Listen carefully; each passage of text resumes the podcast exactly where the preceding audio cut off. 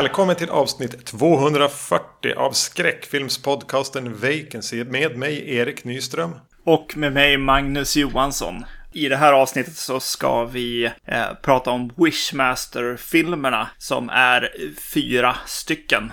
Och för att göra avsnittet ännu lite längre så har vi en gäst med oss också. Eh, och det, det är Emil från Titta de snackar. Hej och tack för att jag får vara med. Varför är jag med i det här avsnittet? Ja, men vi lovade ju det någon gång tidigare i år när du var med och gästade ett avsnitt. Nu minns jag inte vad det var. Jag känner mig lite så här. eh, Jag har dåligt samvete. Och det, för det känns som att det var jag började prata om Wishmaster. Ja, jag tror det. Dig Erik, jag tror även jag började prata om det med som heter Alexander. Jag tror båda ni köpte Blu-ray-boxen. jag har så dåligt samvete för att människor har lagt ut. Du ska inte liksom spoila vad man tycker om de här filmerna men jag har haft dåligt samvete för det faktiskt. Att folk liksom lagt ner då en 500-lapp på att, för att kunna se de här fyra filmerna i high definition. Du får kompensera det genom att prestera på topp här nu. Ja, det är min tanke i fall. Ja. Man kan väl se det här lite grann som en uppföljare på vårat eh, Screamathon som vi gjorde för ett par år sedan. Jag tror det var avsnitt eh, nummer 116 då vi tillbringade en hel natt med att prata om Scream-filmerna. Mm. Eh, sen noterade jag även att i somras på From Beyond-podden eh, pratade om eh, Wishmaster-serien i deras avsnitt 145. Så om det kanske är kortare än vad det här kommer att bli. En anledning att lyssna på det. Jag har inte lyssnat på det. Har du lyssnat på det Magnus? Ja, ja precis. Jo, jag har lyssnat på det. Det är bra. Spännande att eh, höra om det blir någon skillnad här eller inte. Vi får väl se. Eh, det brukar kunna bli det. Vi, vi, vi tar det här i vanlig kronologisk ordning som sagt var. Wishmaster från 97. Ja, men en, en önske, ond önskeande väcks till liv. Han vill få folk att önska för eh, när han- den som har hittat honom har gjort det tre gånger så kan han släppa loss typ Armageddon på jorden. Och nå- någonting sånt. Det är regelsystemet. Eh, Det är ett väldigt godtyckligt eh, regelsystem. Alltså de tre önskningarna fattar jag, för det är en del av hela den ande-traditionen. Men just det där att om någon har önskat tre gånger, oavsett vad de önskat då. Sen så kommer det släppas lös massa ginnar, såna andar då, på jorden. Mm. Så länge någon bara Ja. har, har då bett om tre önskningar, eller önskat tre gånger, så ja, jag tycker bara det känns väldigt godtyckligt av manusfattaren här. Men ja, Ja, och det blir ju ännu lite, lite så här eh, krångligare eller mer krystat med att så här, ja men den som har väckt mig till liv får tre önskningar och, eh, och eh, när, när hon har, har önskat tre önskningar, det är då det händer liksom. Men då har man ju liksom ingen riktig film om det bara är en som får önska, så då har, har de liksom lagt in att alla kan få en önskan. På vägen, liksom. Alla har möte på vägen. Ja, det, så, det var så här jag kan köpa att Jason gör sig av med någon kvinna som hitchhikar och äter banan på vägen mot liksom vart han nu ska. Men, det, men Ja. liksom den, då den här anden går runt och bara, ja, vill bara samla själar då. Gör han det bara för att, för att roa sig under speltiden? Men för de pratar med Ja. ja. tillfälle om att han behöver 800 själar för någonting. Ja, precis. Det är i nästa film, tror jag, som de pratar om det. Ja, ja, ja, då förtydligar de det. I övrigt så får man ju en känsla av att det är lite filler ti- eh, Ja. time. Men konceptet för de första tre filmerna är ju att en kvinna råkar väcka honom, men han tappar bort henne ganska snabbt. Så att han måste tillbringa speltiden med att hitta åt henne igen så att han kan tvinga henne att utföra dem. eh, Önska tre gånger så att han får släppa loss alla andra ginnar och helvetet på jorden och sådär. Så eh, filmerna går väl egentligen ut på att Wishmaster försöker snoka sig fram till den som har väckt honom eh, och på vägen så roar han sig med att låta andra människor önska och så uppfyller han dem på ett lite ironiskt sätt. Och till exempel att om jag önskar att jag hade alla pengar i hela världen så skulle de förmodligen falla ner på mig så att jag blev platt. ja. Eller något sånt där. Den är alltså skriven av så här Hellraiser-uppföljare författare som heter Peter Atkins. Ja, han skrev han inte även tredje Hellraiser? Ja, alltså jag såg hans namn på flera Hellraiser-filmer. Om det bara är det att han är så här characters created by sen, jag vet jag inte. Men Ja, men det, det, det, jag tycker man kan se ett Hellraiser-DNA i den här filmen. Eh, Faktiskt. Även om kanske Hell- Hellraiser har en bättre plott och ett bättre regelsystem. Jo, men det kan man ju absolut. Jag tänkte, eh, jag tänkte på den eh, väldigt tidigt i relation till Elm Street också. Särskilt med tanke på att så här, ja men nu, nu är vi inne i en slashervåg. Folk springer runt med knivar liksom och, och machete och hugger ner folk. Ja, och då kommer han, Freddy Krueger liksom, några år in. Och det är lite det som händer här känner jag från Scream. Scream-sviten på något sätt. Att han försöker göra en knorr på någon slasher. Ja, precis. Jag minns ju när den här kom att det var lite en sån stor direkt till video hyrskräckfilm. Jag är ganska säker på att vi hyrde och såg den här till exempel. Mm, mm. Att den ändå var lite en, en happening i någon mån. Och att man kanske tänkte att det var en ambition att starta en ny franchise. Men när, när videobutikerna fanns i Sverige eh, och alla, ni är några år äldre än mig, men vi hängde där och tittade vad som fanns att hyra. Så jag, menar, jag hyrde också den här, om den, om den kom till Sverige kanske 98 då. Mm.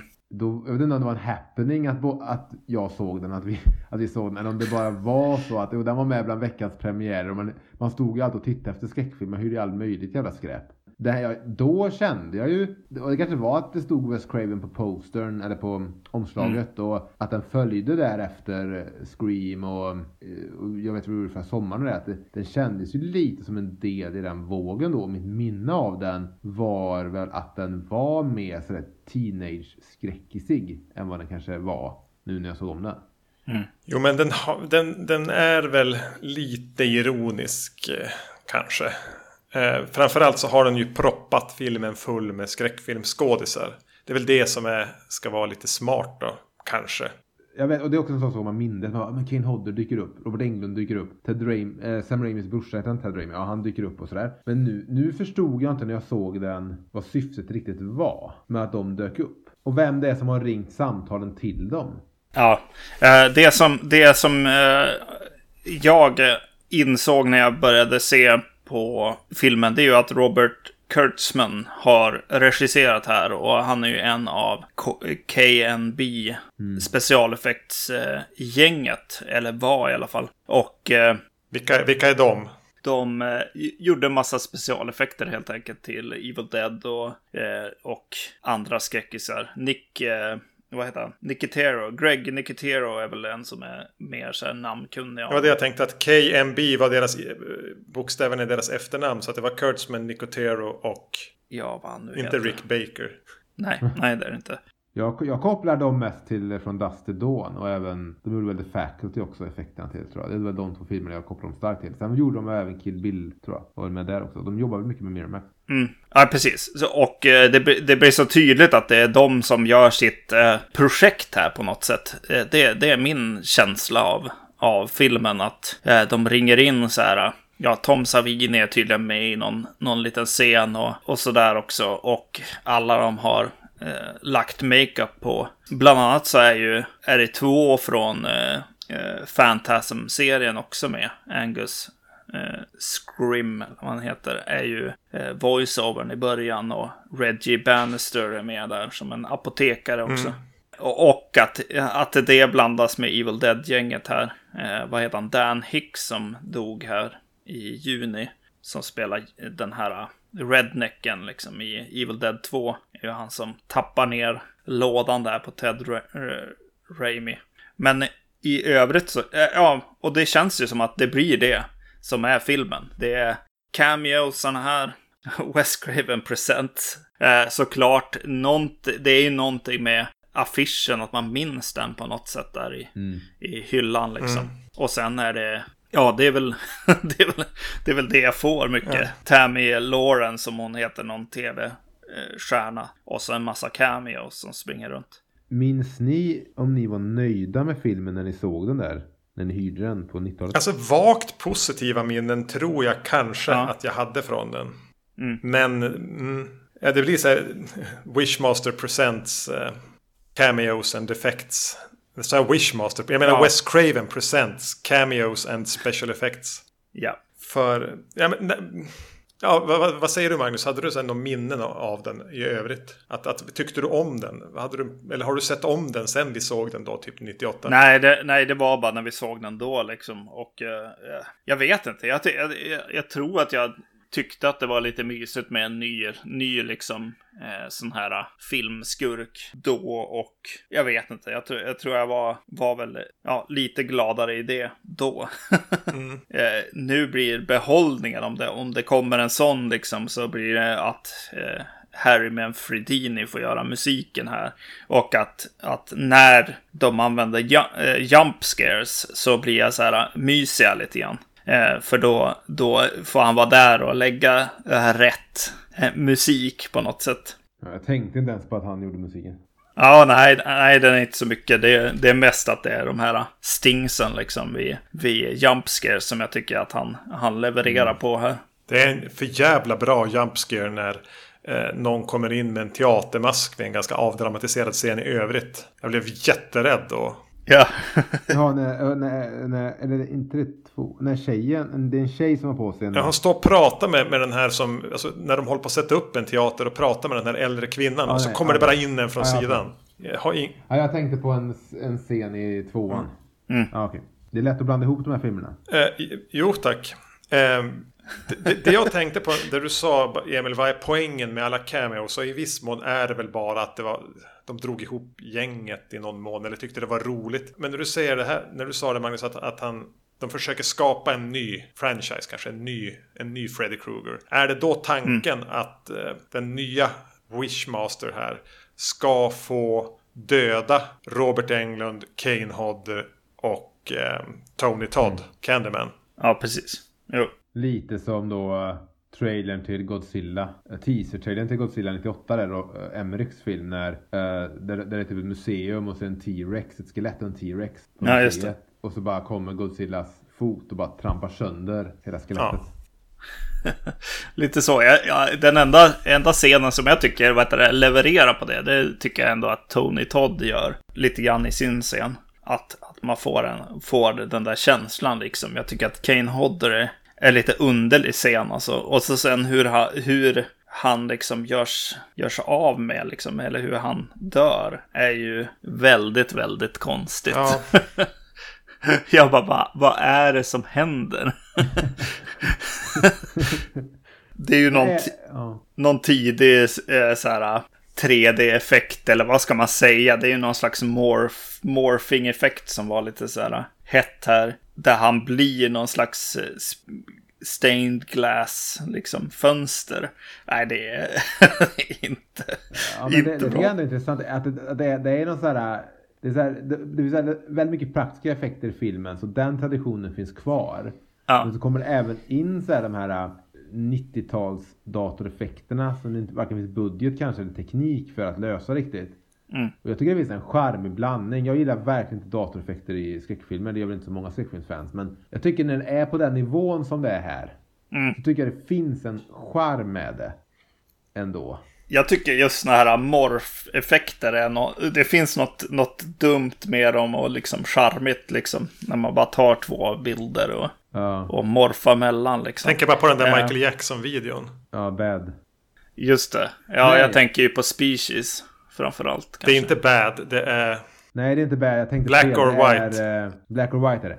Jag ja. um, Okej, okay, jag tänker på eh, början i den värdelösa Freddy vs Jason. När, det en, när Jason drar in en machete i magen på en ung kvinna i skogen och så morfar hon till att bli um, Pamela Warhees och skit. Jag vet inte om ni minns den scenen. Ja. Men det är rätt sen morphing, för det är väl 2003 ja. då. Men ja, det ser precis. fortfarande otroligt ointressant ut. Mm. Men jag tycker ändå det, det känns bara som att, hade de gjort så här, när Cabin in the Woods kom. Hade den haft massa sköna cameos, att Robert Englund spelade snubben på bensinmacken eh, och så. Det, det här känns bara som en väldigt konstig film att ringa in alla de här skräckikonerna till. Ja, precis. Jo, det blir, blir lite så. Det känns lite grann som de bara springer runt i Hollywood liksom och Men, filmar. I och för sig gör det filmen roligare. För, film, för att vara en skräckfilm så är det väldigt, väldigt mycket fokus på ja, antagonisten eller mördaren. Kan man säga. Mm. Vi följer ju liksom, det här är egentligen en film om den här anden. Ja. Och vi följer liksom hans lilla tripp på jorden. Och då blir det ju roligare att han träffar och interagerar med Robert Englund. Eh, än att det bara skulle vara massa no-name skådisar. För så kul är det inte att titta på den här anden när han har sin mänskliga form och går runt. Med sitt jävla eh, vargleende. Ja, vad tycker ni om han eh, Andrew Divoff som eh, är... Ja, men Wishmaster eller han har lite olika namn här. Gin eller Demerest kallas han i någon. Eh, jag tycker han, han, han hittar ju någon slags röst som är lite, lite överdriven men eh, som funkar på något sätt ändå. Jag tänker på just den här mänskliga formen så kan jag inte låta bli att tänka på alltså rovdjuret. Att så här, oj, det är så dyrt att ha den här masken på sig. Att, att han får ha en metallmask på sig i, i mesta delen av filmen. Liksom. Ja. Det blir lite, lite samma sak här. Att, här, varför går det inte runt den där eh, rätt, ja nu säger jag något positivt igen, men rätt coola den här eh, hobo-huvan liksom som man har på sig, eller vad man ska säga, mm. eh, i början där. Eh, för, att, för att dölja sitt utseende liksom. Det, det tyckte jag var rätt coolt liksom och hur sliten den är på det där tuffa, tuffa, eh, vad heter det, concept art-viset. Så, så jag tyckte att det var lite konstigt att gå till mänsklig form. Eller jag, jag köpte det inte, utan jag, jag såg det mer som en, ett eh, nödvändigt ont på något sätt. Jo, men sen, jag tycker inte, okay, jag tycker inte han gör ett dåligt jobb. Jag tycker han är rätt bra när han är anden. Mm, exakt. Eh, så jag tycker, jag tycker ju att och han har väl någonting med rösten han använder och hur liksom han spelar. Men eh, det blir som du säger där att det känns ju bara som att okej, okay, hur kan vi lösa att han inte behöver vara i den här dräkten hela tiden? Det blir, ja, jag tycker inte det är så kul. Även om, även om det kunde varit mycket, mycket, mycket sämre och det kommer bli mycket, mycket sämre. De har ju hittat någon då i Divoff här som har ett lite intressant utseende kanske. Ja. Precis, men han, han, han när han, han stöter på någon um, något butiksbiträde där. Ja. Och då är det så här som att, som att hon så blir helt, hon måste hålla ett staket för att hon liksom nästan faller ihop av hur, eh, hur, hur jävla sexig den här karln är. Men det är, jag vet inte om det är att han har någon så här, att det är en anden som kommer fram med någon sorts jävla karisma. Mm. Som inte riktigt går igenom duken eller tv-skärmen. Men jag tycker inte riktigt han utstrålar någon sån där supersexighet direkt. Nej, han har ju mer en kantighet som är lite kul. Som jag tänker att de använder mer mm. i nästa film. Men då är det nästan när han har fått på sig den snygga kostymen att han, han försöker de sälja in han som hunk. Är, är det det? Mm. Ja, jag blev inte riktigt heller klok på det. För alltså, det är han ju inte. Nej. Men det är lite, ja vad fan, låta Andrew Divoff vara hunkig. Bara för att han tar på sig en snyggt skuren kostym. Mm. Ja, men eh, när han är själva monstret eller ginnen liksom. Det, ja, det är väl okej okay, tycker jag. Det funkar på, funkar på en affisch kan jag tycka. Eh, jag tycker han har lite väl mycket så här exoskelett liksom. Eh, någon slags mm. kack, kackerlacka liksom uniform på sig. Med sina muskler och sånt ligger liksom som ett ett lager utanpå liksom. Det är inte del av, av huden så att säga. Och sen, sen får jag lite så här, eh, jag får samma problem som folk brukar få, visst är det i en amerikansk varuhus i London, där det är någon hudbit så här som sitter och rör sig hela tiden när en av karaktärerna som är odöd eller vad man ska säga där, som hela tiden rör sig så man inte kan koncentrera sig riktigt. Man vill bara rycka bort den. Ja, och jag har samma, samma eh, problem här med att de har valt att göra hans horn till horn och tentakler på samma gång. Så de här tentaklerna står och eh, rör sig hela tiden så här. Någon som, som har gjort någon cool VFX, liksom praktiska effekter. Jag tyckte det var lite charmigt att han var så, var så organisk och så. Och att det gjorde att det blev lite mindre stiff, hans kostym kanske. Mm. De där tentaklerna som men tänkte ni på hur jävla lik ginnen är Jeepers Creepers monstret? Ja, mm, verkligen. Det är som en, ett, eh, om vad heter det, Jeepers Creepers monstret och eh, Tim Currys djävul i, i Legend skulle få barn. Då skulle det bli The Gin. ja.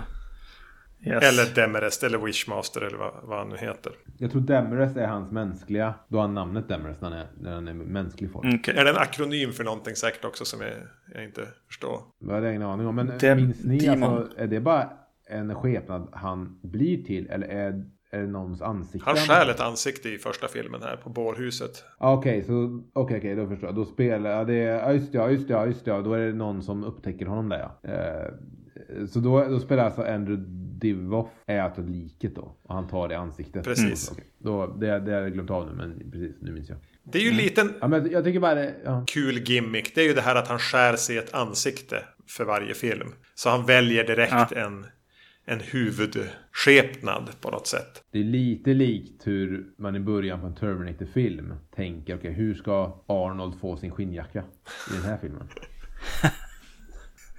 Men det är väl, ja. det är väl någonting, men det, det, jag, jag vill bara säga igen, jag, tycker, jag tror på något sätt att, att det är en nackdel för filmen att vi följer Wishmaster-karaktären så mycket. Ja, det blir ju lite det jag var inne på. Att mm. det blir liksom att följa hans detektivarbete för att hitta huvudkaraktären. Precis. Och, det, det... och så är de, är de alltid sammanlänkade då via att, via att hon har... Hon, det är alltid en hon. I alla fall de här fyra filmerna. Den här stenen. Och då ska hon ju, då kommer hon tillbaka i storyn lite, lite då och då för att hon får så flashar när han dödar någon ja. och sådär. Och så är det alltid så här, ja, det är ett sätt att försöka få tillbaka in henne i storyn. Sen så kommer sen skulle de försöka lösa då, huvudkaraktären i filmen skulle försöka lösa, okej, okay, vad är det här med andar och hur ska jag... Men det blir också, det blir så två väldigt ointressanta detektiv liksom, filmer man sitter och följer. Ja, precis. Det är väldigt mycket exposition och research som, som hon får göra där. Eh, som är ganska trist liksom när, när en annan bara säger så här, ja ah, det här är inte Robin Williams liksom. Det är nog liksom för mig. Jag börjar fatta att så här, three wishes-grejen, jag kan det liksom. Den här anden i flaskan liksom. Det, det är ganska enkelt att komma dit liksom. Jag behöver kanske inte eh, sitta och googla i 20 minuter. Det handlar, liksom. bara, det handlar bara om och, att och bläddra i böcker. Hon liksom. borde lagt ner det arbetet bara på att hitta en, eh, en önskan som oskadliggör, alltså lurar mm. anden. Det är det enda man, man måste liksom foka på att komma på. Ja, en scen med, med ja, en workshop. En liksom. Några kompisar. Okej. Okay. Vi har tre önskningar, vi har tre chanser nu på att få bort den anden med att vara jävligt kluriga. Twilight Zone-kluriga. Alltså, hur, får, hur, får, hur får vi bort yeah. honom? För att han är, han är odödlig, så det är så ointressant. Det går inte att döda honom på något sätt, förutom att vi publiken också sitter och väntar på... Okej, okay, hon kommer göra två önskningar på något sätt. Sen kommer det vara tredje önskningen, då gäller... Allting hänger på den önskningen. Så det är ju aldrig så, jag menar... Om Jason mm. får ett slag i huvudet med en hammare, även om det är mitt i filmen, så kan vi ändå tänka... Ja men fan, fortsätt slå. Stå bara och banka på honom, spring inte iväg. Men här, här han skjuter väl sig själv i huvudet, mm. han gör. Och läker sig. Så att det är så här, vi vet redan mm. om att han är odödlig, så det enda som kommer lösa något i slutändan är ju de här önskningarna. Men jag, ja. jag tycker också att den bygger ju upp mycket av underhållningen under de här två transportsträckorna till detektivarbete. Med att han ska få göra de här fyndiga slash ironiska önskningarna som slår tillbaks på, på de här. Mm. Och den är fan jävligt ojämn i hur fyndiga de är. Jag tänker där också behövs en workshop med lite post-it-lappar och sånt. Så här. Okej, vilka roliga mord kan vi göra? Alltså, Wes Craven var jävligt duktig på det med första Terrapin Street. Han fick till rätt bra sådär mord. Mm. De höll alla hög kvalitet. De alla har liksom sin plats i filmen och sådär. Men jag håller med om det. Här kände jag alltid som att det var så lite Jaha, uh, okej, okay, detta typ tionde avsnittet i den här tv-serien om mm. anden. Och, och, alla roliga mord har redan liksom skett i de tidigare nio avsnitten. Precis, det var som att de någonstans i någon process förlorade de juridiska rättigheterna till de bra idéerna. Ja, det känns inte som att det, det här är liksom första filmen och du bara allt. Det känns inte som en sån här debutplatta där det bara är så fullt av hits. Det är inte riktigt så här, ja, Pearl Jams 10 direkt det här. När det kommer till eh, mord. Alltså det är intressant det här tycker jag för att eh, det är ju liksom man, man tänker sig så här spontant att ett gäng specialeffekts eh, eh snubbar som gör eh, sin film här ska, ska kunna sitta och eh, komma på ett gäng riktigt bra mord liksom. Men jag tror att det kanske är därför de inte alltid ska regissera eller liksom skriva manus. Eh, utan att, eh, att eh, de goda idéerna de, får, de ändå får igenom i slutändan är faktiskt vettade av någon. Liksom. För deras goda idéer kanske inte är alltid de eh, bästa eller roligaste. Finns det något mord i den här filmen som ni tycker är så här, fan det här är ikoniskt, det skulle jag kunna ha med på en topp 100 skräckfilmsmord. Alltså jag har svårt att minnas dem nu ens. Jag minns bara hon som blir förvandlad till en skyltdocka. Ja det minns jag också. Det var så, dels var det dåligt att den önskade, hon önskar att hon skulle vara vadå, vacker för alltid. Ja, så blir hon en jätteful skyltdocka. Ja, så blir hon, ja, precis, ja. precis. Så blir hon en skyltdocka som ser ut som att den stått liksom i någon lagerlokal. Ja. och inte använts på typ så här 30 år. Ja, precis. Jag, jag kollar här i mina anteckningar och ser om jag hade skrivit upp några. Och den enda som jag har skrivit upp är Reggie Bannister som är den här apotekaren som får cancer. För jag tycker att det finns... Jävligt Ja, aggressiv och det finns ett, ett mörker i hela den. Som, som känns... Jo men det, det är så, det är också dumt för att då, när han säger, när han, den här hemlösa snubben som blir lite hunsad då, apotekaren. Han önskar då Mm. att han ska få någon sån cancer. Mm. Då tänker jag så här, ja men det här är rätt snyggt så här. Hur ska han lösa det liksom? Kommer vi få följa honom i filmen när han sitter hos läkaren och får beskedet? Och det verkligen kommer vara så supermörkt. För hans familj sitter och gråter hemma nu för att han har fått någon jävla aggressiv tjocktarmscancer. Du har 18 månader kvar. Ja. Det hade varit Ja. kanske snyggt men nu är det så att han, bara, han bubblar väl bara bort typ. Mm. Och sen är det väl någon som önskar sig en miljon dollar eller vad det är. Och så dör hans mamma eller vad det är. Någon Ja, flygplansolycka. Ja, Den är jättekrystad, alltså jättelångsökt och invecklad. Och han får väl aldrig ens veta det. Och han får ju sina pengar i alla fall. Och hans 83-åriga mamma dog. Nej, nu lät det som att jag tyckte att det var en okej deal att göra. Det var inte så jag menar. Men alltså det är så, den blir så, Ja, ja.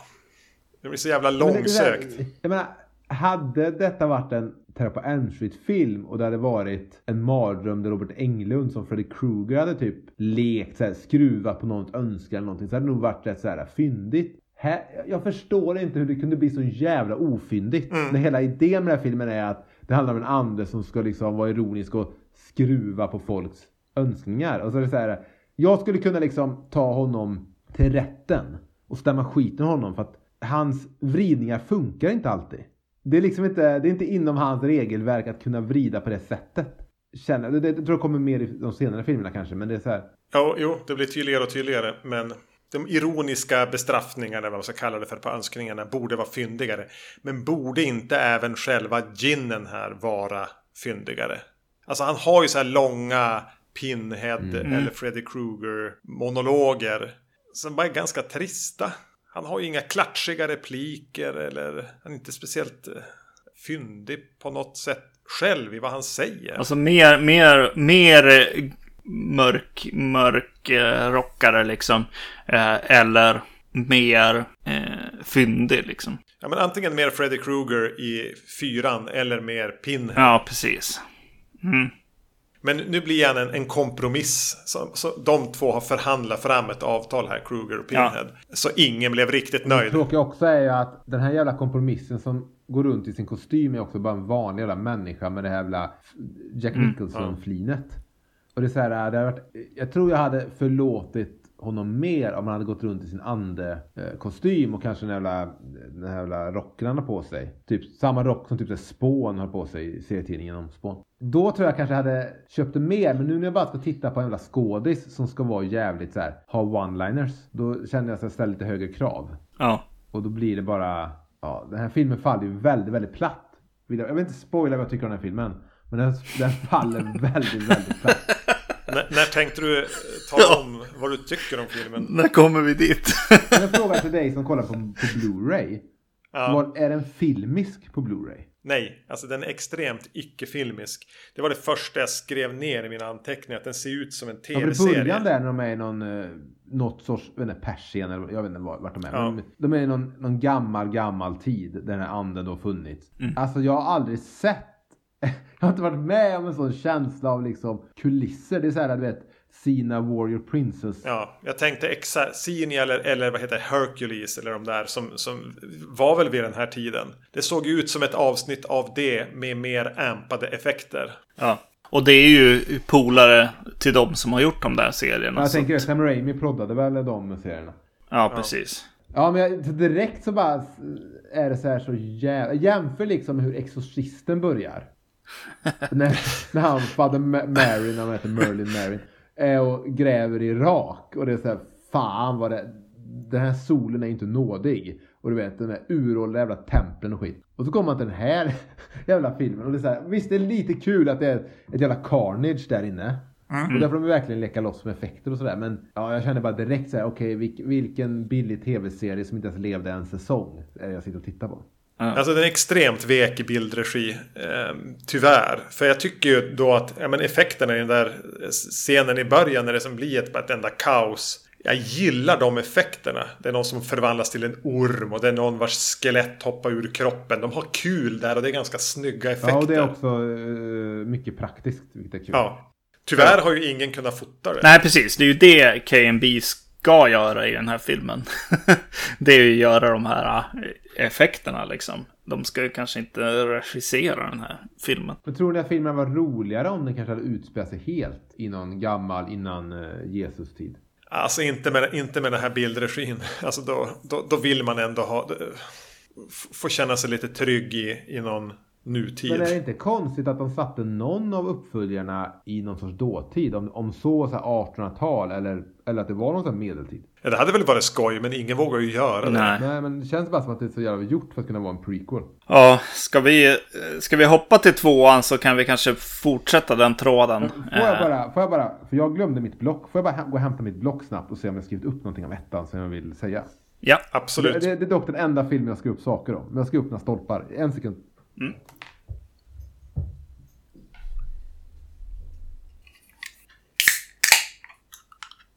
Jaha, då passar man på när Emil är borta. Mm -hmm.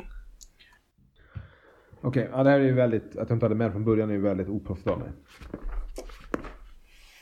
Du skulle ju leverera den här gången Emil. Nej, ja, men det, som, som, som, jag sa kanske innan vi började spela in. Det här är sista podden jag någonsin spelar in utan en riktig mick. Jag ska faktiskt, jag ska inte vara så nonchalant. Jag ska köpa en riktig mick. Okej, okay. jag kan säga det jag läste upp bara. Eller det jag skrev upp.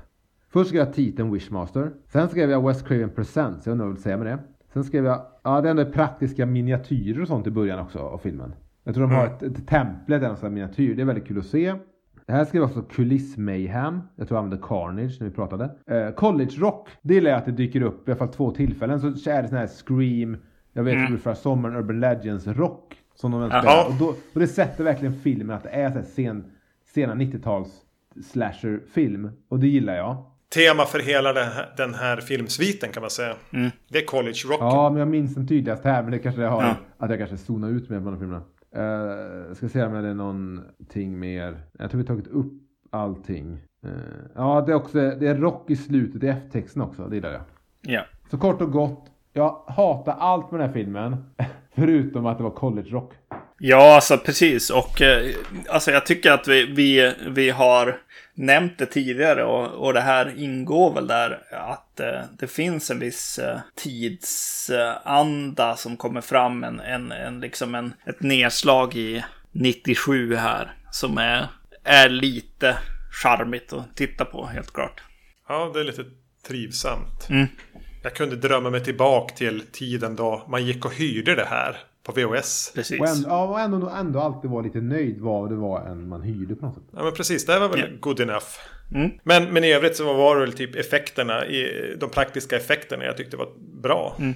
Och låt oss bara säga också att det är alltid kul att se Robert Englund i en roll. Ja men vi har inte sagt någonting om, om Robert Englund. Låt oss det bli det sista vi säger. Jag tycker det, han gör en lite atypisk Englund-roll. Alltså han får vara ganska straight. Han är inte helt igenom ond heller. Även om han kanske inte är den mest sympatiska karaktären. Nej, nej, han tar ju tillfället i akt eh, känns det som och, och spelar lite till, till sitt eh, demo-reel. Eh, det kan jag tycka. Det är, det är han, han och eh, Tammy Lauren, alltså hon tv-stjärnan här i huvudrollen som, som ju jobbar i, i filmen. De andra är ju mer cameos och kommer förbi och tar en kaffe liksom. Mm. Ja. Men har ni, med tanke på Englund, har ni sett The Midnight Man? Skräckis från typ 2016. Nej. Ja, Där får faktiskt Robert Englund spela bara en, en schysst snubbe i filmen. Och det var Jag hade hoppats att du skulle säga någonting om Tammy Loren. Jag vet inte ens vem hon, jag vet inte va- varför Magnus har nämnt hennes namn vid typ åtta tillfällen hittills. Jag har ingen aning om vem den här människan är. Nej, det, det är alltså den här Neve Campbell-versionen av Linda Hamilton i Jo, huvudrollen. men, ja, hon, men det var också ett konstigt val. Om det skulle vara en liksom slasher. Fan, sätt det mer. Fan. Jag tror att filmen hade mått bra av om det hade utspelat sig mer på ett college-miljö och det hade varit en 25-åring som skulle spela 17-18. Ja, just det. Precis. Just det. Ja, nej, precis. Med henne så blir det ju mer... Alltså, då, då börjar man nästan tänka på Candyman också lite, lite grann. Att, Ja, det blir det- mer såhär bara, jag vara en vuxen thriller så här. Ja. Jag, jag tror det har varit skönare om det var så här ungdomar och kids. Alltså Teens unga vuxna är jävligt tråkiga på film. Alltså en sån här 30-åring. Jo, men i Ensamstående skräckfilm, 30-åring. I, i, I slashers tycker jag, då skulle det vara liksom 18, 19, 17, Ja men 19 precis. åringar. Eller, eller en fam- alltså någon som har en familj att ta hänsyn till. Jag vill inte, alltså en 30-åring blir så jävla trist liksom. Ja men jag har mitt lilla jobb här och min lägenhet och några, några tidigare relationer som jag Ja, lämnat. det, tänk om det hade varit så arkeologi, arkeologstudenter istället eller någonting. Och det hade varit lite så här röda vet, plastmuggar, lite, någon festscen. Du vet, så här, lite mer Scream Urban Legend-igt. Så hade jag nog Ja. tyckt det var roligare än att se henne ha någon så här äh, halvrelation med någon hon spelar tennis med. Men, men college-rocken spelar. Fan, ha college-rocken när de kör beer pong istället.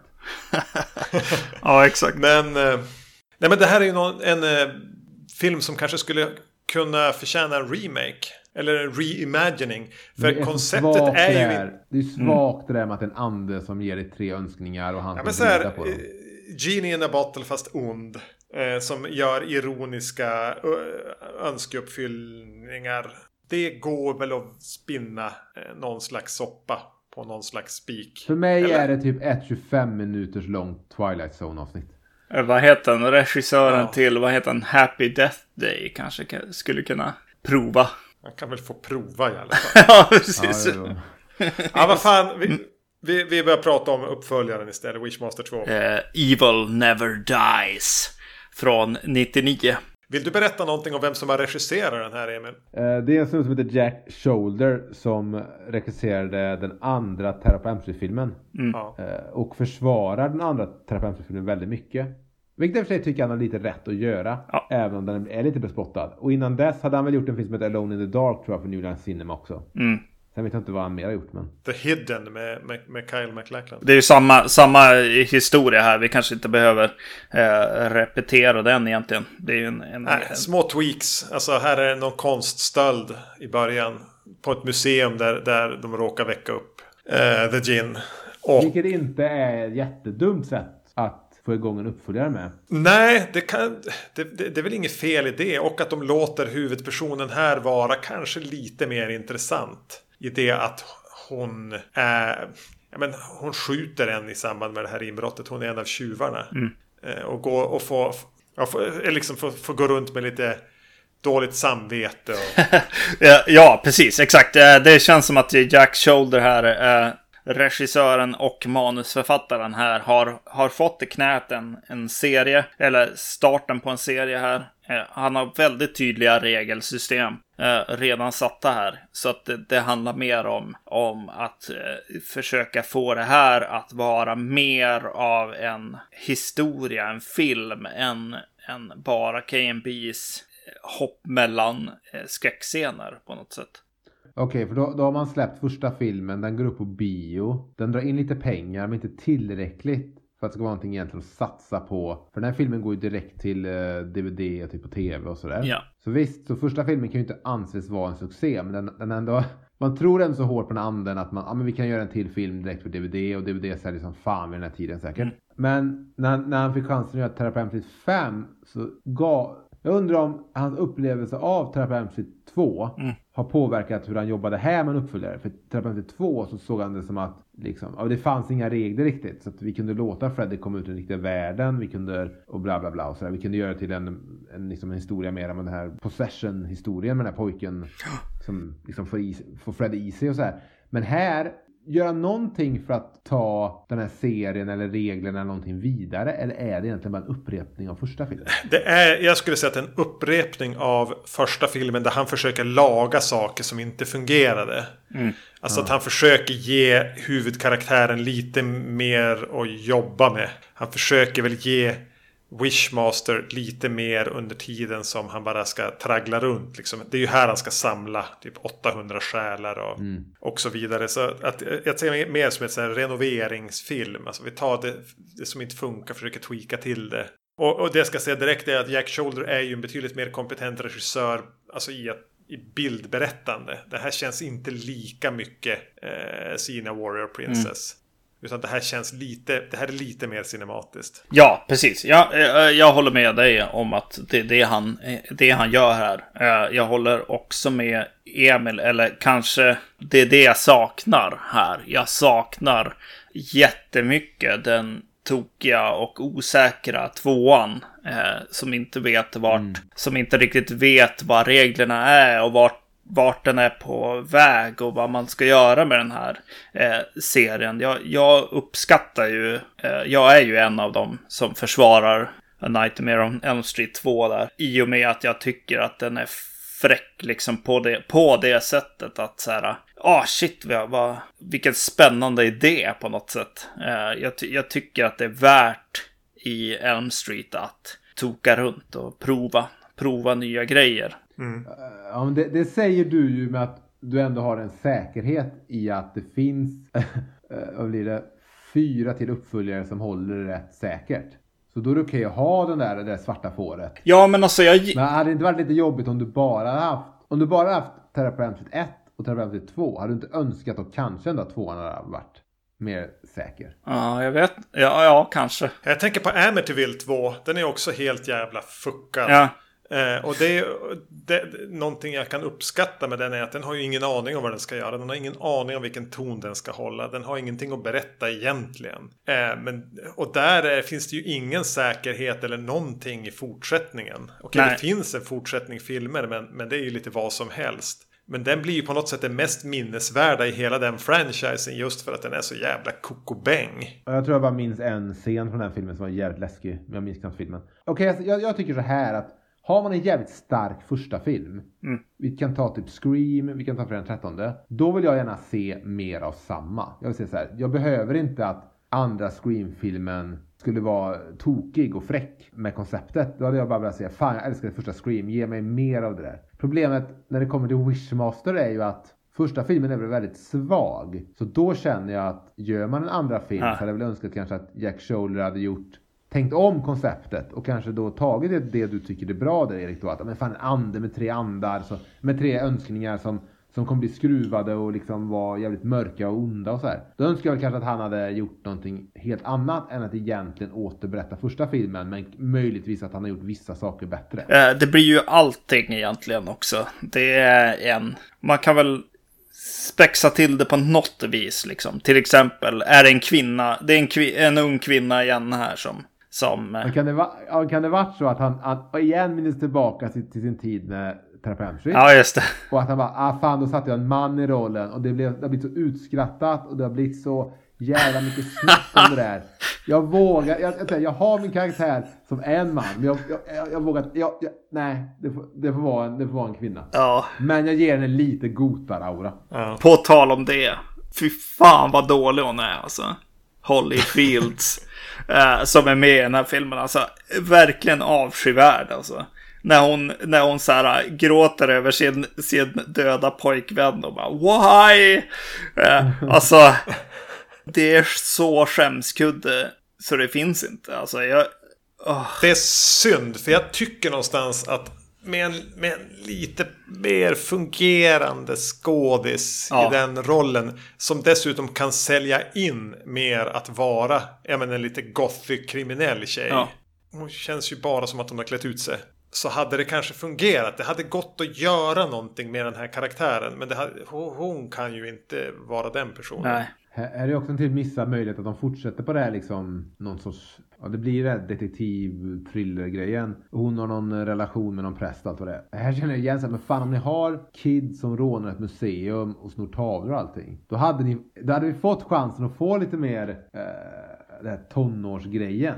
Mm. Men det missar de här också. Att slasher ska handla om tonåringar. Ja, just det. Den scenen är ju väldigt viktig, kommer jag på. Inser jag nu, liksom. Hur den, hur den skulle presenteras, liksom. Men den, den blir som bara en... Eh, någon som har hittat en trappuppgång där de kan, kan filma en scen, liksom, lite grann. Den skulle kanske behöva lite mer tid och flär, liksom. Eller vad man ska säga. Där pojkvännen blir skjuten? Ja. Eh, att lägg lite, lite extra energi där. Då, då, då hade jag kanske följt med mer in i filmen. Ja, jag vet inte. Ja, den blir ganska fisig och de är ganska snabbt varit färdig till museet.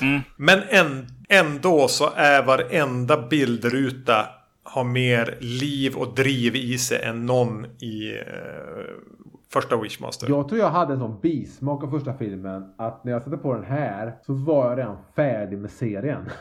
Så jag tror jag zonade ut väldigt fort. Jag gillade lite början där när de, när de, när de rånade museet och allting. Men sen så fort liksom Wishmastern kommer fram där, han växer fram genom en vägg och håller på. Redan då så tror jag jag började zona ut. Så jag, stora partier i den här filmen minns inte jag. Tyvärr. Så jag tror inte jag tänkte så mycket på Jack Shoulders regi eller liksom. Eh, jag säger inte att den är snygg, men den är, den är mer inspirerad i alla fall. Ja, exakt. Eh, jo, eh, definitivt. Den är, den är bättre eller genomarbetad på något sätt i alla fall i manusstadiet. Är någonting, nå, något som, som sitter ihop bättre på, no, på något sätt här. Och, eh, och fotot är bättre och så. Och då, då tappar man kanske en annan aspekt då. Och det är ju de här karaktärerna. Och det är ju framförallt skådespelarna, alltså castingen och, och liksom hur de gör. För jag, alltså Holly Fields är ju otroligt dålig som sagt. Men, Ja, men- Sen, sen så Den här hunkiga prästen, är det dit du är på väg? Eh, Det är precis där, dit jag är på väg. Jag bara, okej, ja men prästen är ju jättetrovärdig som präst. Absolut en präst.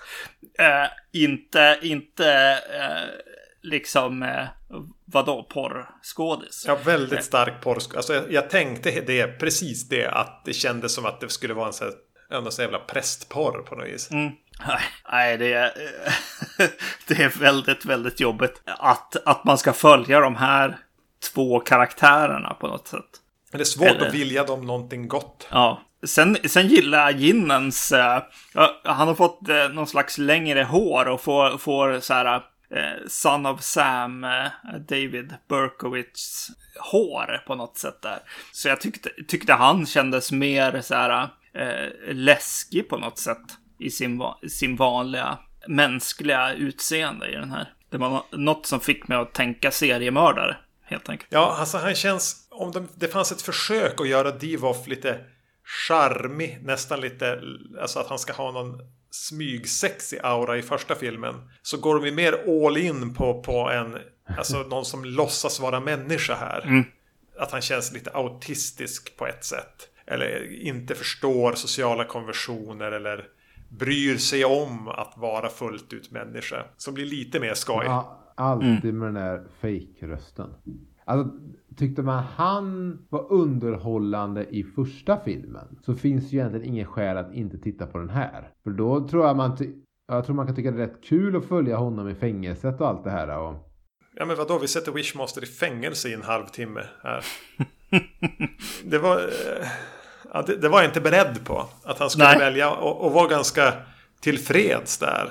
Eh, Och se det som då en tillfälle att, att eh, skörda önskningar. Det är där Jack Shoulder eh, med sitt manus liksom, åh jag har en massa regler och grejer. Så det, det enda jag kan, kan leka med här egentligen är så här, ja men vart, vart någonstans ska jag placera eh, ginen och, och det jobbar han ju ganska hårt med i den här men filmen. det känns, det, det är lite som att sätta Jason på en båt. Ja, det är precis det. andra filmen och så sätter vi anden då i ett fängelse liksom.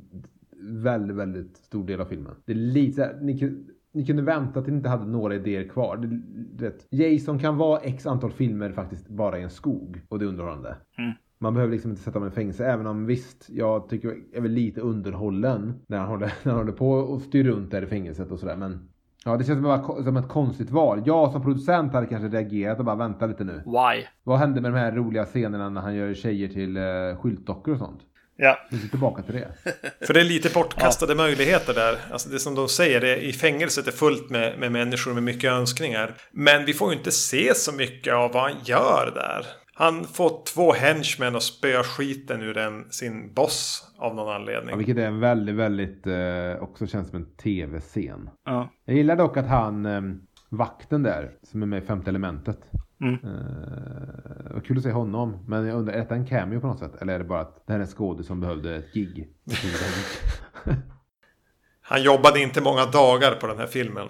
Eh, och sen tycker jag att, att, att han lierar sig med här, ryska maffian. Också ett lite oväntat vägval här. hakar på dem utanför fängelset sen och är inne på så små ryska eh, vodka-hak. Ja, det är den tråkigaste delen av... Ja, det är snortråkigt, men det är ganska oväntat. ja, det är det. Ja, men det är så här, man gör inte det i andra filmen. Nej. Främst inte när man ändå inte leker loss med liksom, det är ändå samma film som första filmen. Så Ja. då vill jag nog ha mer av samma på något sätt. Det, är så här, ja, det blir väldigt, väldigt konstigt. Ja, då är frågan om man kan se det konstiga som lite kul eller konstiga som... För det är ju jättetrist.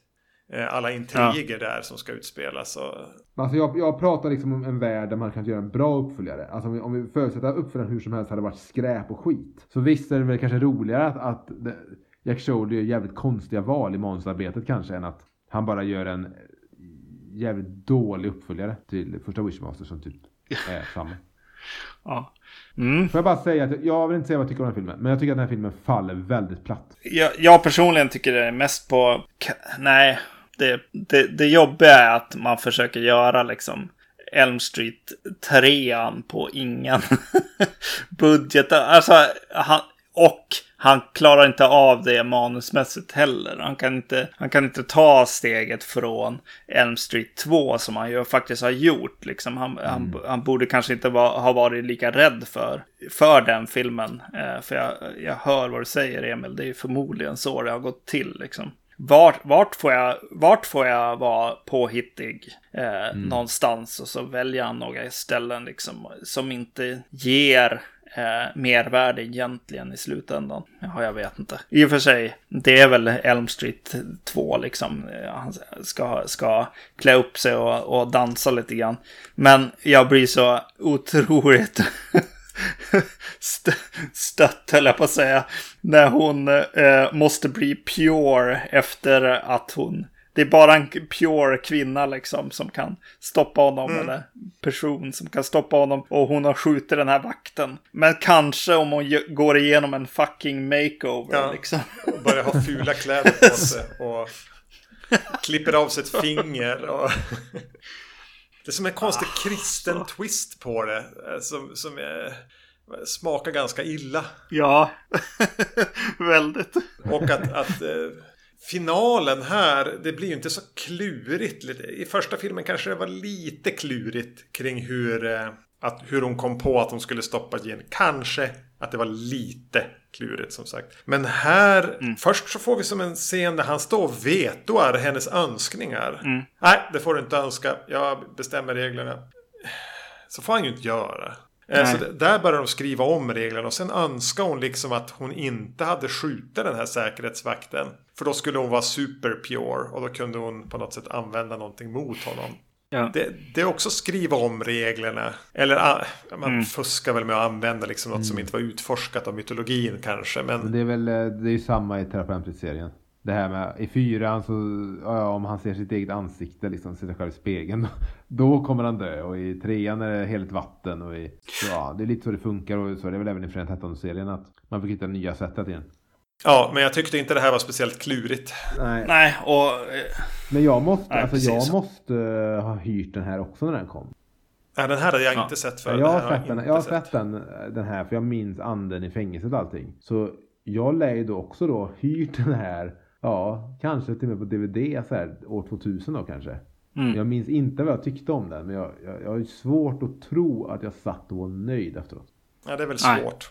Ja, alltså jag ska säga ändå att, att jag tror att jag hade lite roligare med den här just för att det var någon, en skickligare regissör helt enkelt. Regin är bättre.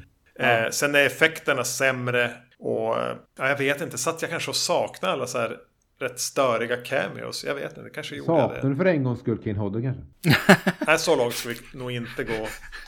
Men, ja, men hade ni något, något så här favoritönskning som blev en, eh, ett mord här då?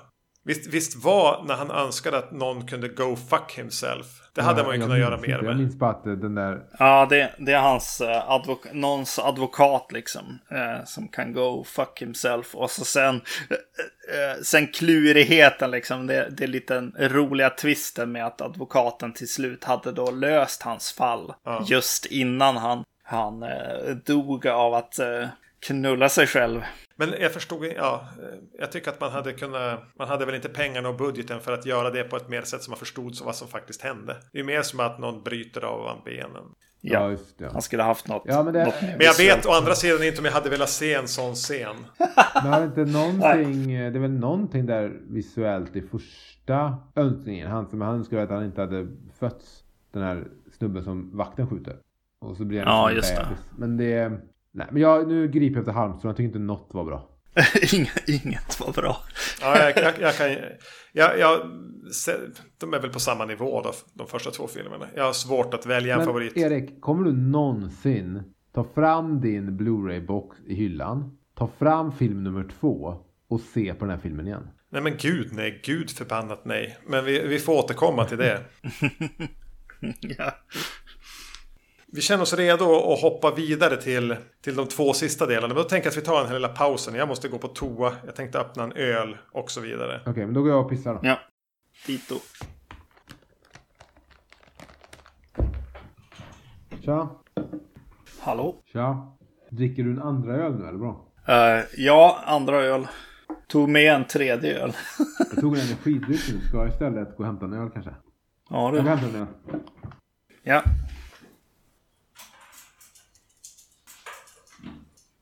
Ja, jag är redo. ja, ska se om Erik är här. Nej. Men det är svårt när man så här blandar ihop de här jävla filmerna. Och nu Ja. blir det ännu svårare med de här två minns, alltså jag minns ingenting. Men skit i det. Är det bara jag här eller? Nej, jag hör någon som slamrar. Nej. Nej. Alla andra är klara. Alla är på plats. Ja, ett ögonblick. Jag ska Det bara... verkar ju som att hon eh, Holly Field som ni tyckte om. Mm. Att hon sen börjar göra väldigt mycket så här voice-over work typ tv-spel och sånt. Ja, precis. Jag såg hennes voice-over work och eh, Hon är det Iron verkade Man- lite The konstigt. Vad fan är The Iron Man film? Där är the Swedish girl. Ja. Hon, eh, just den här voice-over worken är så här eh, lite underlig. Jag tänker att så här, eh, hon gör sex noises till, till så här sex tape till exempel hade hon voice-over. ja hon, är, hon är the Black Cat i Spider-Man 2 tv-spelet. Ja, okej. Hon är Mm. Gwen Stefani i Celebrity Deathmatch. Hon är, hon är med i massa Shrek-spel. Shrek-spel. Men shit vad jobbigt det måste vara. Du vet det var så här. Hon gick säkert massa så här, någon teaterutbildning. Hon höll på lite så här. Och så fick hon chansen att vara med i någon sån här film. Hennes agent sa du måste vara med i någonting för jag behöver mina 10%. Och sen slutar det upp med att hon liksom är med. Ja hon är, hon är med i God of War 3. Ja. Men ändå. Ska vi köra Wishmaster 3 Beyond the Gates of Bra Hell titel. från 2001. Ja, Men här, här, här är College Campus-filmen du har efterfrågat Emil. Ja. För här är exakt samma story fast eh, College Campus. Ja. Och det gillar jag rent i någon sorts teori. Problemet är att de här filmerna, de här två filmerna som kommer nu. Det var ju så jag skrev, jag vet inte om det är rätt, jag försökte hitta rätt benämning på vad de känns som. Jag skrev ju till dig där Erik, när vi båda satt och tittade på varsitt håll Ja. på fyran. Att känns, ser det även ut som en porrfilm på Blu-ray. Och jag vet inte om porrfilm är rätt. Det, det, alltså, det ser ut som alltså hobbyprojekt. Mm. Eller Mm. jag tänkte eller är det liksom så här när jag satt och kollade på den här Freddy's Nightmares att det är så här tidigt 90-tal, jättebillig någon sån skräck-tv-serie. Jag bara nej men det är för bra. Nej, det här är an, antingen är det fan amatörfilmer eller så är det som porrfilm. Ja, Det var någonting som kändes så här Hallmark eller eh, i dokumentärer när de har gjort rekonstruktioner. Tänk den looken. Ja, det är rätt bra. Ja. Mm. Ja, det här är ju en, den är ju regisserad av Chris Angel. Har vi något på Eh. honom? nej, jag vet att han inte ens har, jag tror inte att han har en egen sida på Wikipedia. Yes. Och, Ja, han eh, gjorde de här två back-to-back. Eh, tydligen så alltså, spelar de in båda två på ungefär eh, den, det, tid, det tid det tar att spela in en film. Ja. Så det var väl så här 16, sex- 15-16 dagar på, per Mm. film.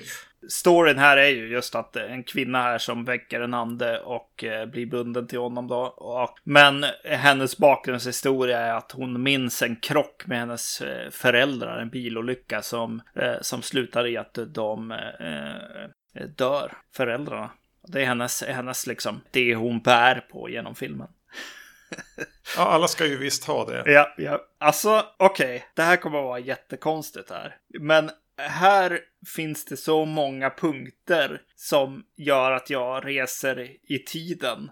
Att, att jag börjar känna av så här Scream 3 kanske att jag, att jag får helt plötsligt en liten, lite mer så här nostalgikänsla. Det är någonting i, i de här personerna. Det kanske är att det är eh, yngre personer, att kläderna som de eh, springer runt i här, några eh, så här linnen med lite så här eh, fransiga eller någonting i, längst ner och lite halvkort korta byxor och, och grejer som liksom var på G och hon har nästan, nästan eh, Nev Campbells liksom Scream 3-uniform vid några tillfällen där. Det är någonting som gör att jag känner mig mer hemma här. Jag förstår lite vad du menar. Alltså, den försöker fånga upp och skapa en ganska så här, eh, college-gemytet med att de sitter ute på något bord och pratar och kommer in så med en kaffemugg på en föreläsning grejen. Mm. Och, och även här brölar ju college-rocken. Den var med i första filmen. Jag kommer inte ihåg andra. Men här är det också mm. så kamera som sveper lite grann fast på ett extremt lågbudgetsätt. Och så spelas det någon. Även så här musik som är med i NHL-spelen. ja. Men jag tror den här filmen också har, är det den här filmen som har någon jävla det är någon scen mot slutet i akt 3 när de springer för att hinna någonstans. Och så är det någon jävla tidig 2000-tals techno som dunkar. Det är mycket sånt eh, i den här. Det är några jaktscener ja, liksom så här, som eh, där de försöker göra så här H2O eh, Halloween 20 år senare känsla liksom med, med lite kamerarörelser och sånt. Men allt utspelar sig på dagen i Hollywood liksom. Eh, det de kommer inte riktigt dit, men de kommer nog dit för mig att så här, i alla fall öppna ögonen lite grann, sätta mig lite upp i, i soffan. Ja, men det, det är någonting med inledningen på den här. Den har en liten kick på något sätt. Alltså att jag känner bara oj, nu, det kändes lite fräscht. Jag, ja, men jag håller med Magnus. Jag, inte nödvändigtvis att jag rätar på mig speciellt mycket i soffan. Men jag tänkte, ja men det här kanske inte blir så dåligt. Nej. Det ser för jävligt ut. Eh, och det, det, är ju någonting med tonen i skådespelet också som är att de inte riktigt bryr sig. Det är okej okay att vara lite pajig. Det är det som ja. stoppar med. Det här varit den första Wishmaster-filmen och haft den där 5 miljoner dollar budgeten och möjligtvis Robert Englund i en liten roll. Mm. Så hade jag nog kunnat uppskatta det mer. Men när jag direkt sätter på och det är som att det är filmat med liksom en, ser ut som att det är filmat med en DV-kamera 2001 och gjort av liksom glada amatörer. Så blir det väldigt, väldigt svårt för mig. Kalla mig skräckfilmsytlig. Det blir väldigt svårt för mig att komma in i filmen. Ja. När allting känns som en, en, en tv... Ja, det, det, är inte ens tv-seriekvalitet. Det är så jävla låg kvalitet Nej. på det. Nej, det är inte tv-serie. Det är någonting annat. Det, det, är en kompis där i filmen som har någon grön eh, t-shirt med liksom lite japanska tecken på. Ja. Det är också folk säger, ja men det kan dykt upp i Urban Legends 2. Eller det kan dykt upp, så det är klart att jag får lite de känslorna som du får. Och känner att, ja, ska jag ska hålla, hålla kvar vid hans t-shirt nu för att kunna liksom hålla kvar i filmen. det, är liksom, det är så det är. Det är jävligt svårt alltså. Um, främst också att de försöker ja. få in jag vet inte om jag går handlingarna förväg, men att de liksom får in det här med den här ärkeängeln och det här med att göra svärd och, oh. och jag är såhär, vad fan, nu gör ni för mycket, nu försöker ni göra. Ja, du vet, nu försöker de säga Hellraiser 2 sig, fast de inte har budgeten. Hellraiser 2 lider ju också av det att de ska hålla på och vara i helvetet, eller något sorts helvete då i slutet. Men man ser mm. liksom att de inte har budget nog att liksom verkligen få det där att bli bra. Och det är såhär, fan, ni behöver inte plocka in massa uråldriga svärd och ärkeänglar och sånt i den filmen. Det räcker med att ni har en smart sista önskan. Alltså det var så jävla kul. Alltså tänja på gränserna på vad de kan pröva önska av den här jävla gin. Ja, men jag åkallar ärkeängeln Mikael. eller Mikael eller någontings ande ja. att hjälpa mig mot dig. Och han blir lite imponerad av det draget. Ja. Mm. inte så dumt, okej här kommer han. Men är det en elefant i rummet vi inte pratar om? Eller ska vi nämna att uh, det är en ny skådis som spelar uh, anden? Ja, jag hade inte tänkt. Alltså, jag märkte det ju, men jag hade inte. Ja, visst. Alltså, jag var inte så fäst vid, vid Andrew Divoff, måste jag väl erkänna, märkte jag här det var väl snarare ett problem att de hade bara valt en så här tysk dräktkänsla. Alltså att man såg nästan dragkedjan i ryggen-grejen. Att den bara ser så enkel och billig ut. Alltså lite Buffy the Vampire Slayer. Eh, och inte den slutbossen. Anden ser ju helt annorlunda ut här. Och ser mycket Ja. plojigare ut här. Och sen så låter de ju inte skådisen som spelar anden längre spela liksom han i mänsklig form. Utan här är det verkligen det här att han tar någons ansikte. Ja. Eh, I både trean och fyran. Så det är ett intressant drag då att de inte längre valde en skådis som både kunde vara an- anden och vara så här, en mänsklig skepnad. Men han ser otroligt, otroligt löjlig ut med sin dräkt.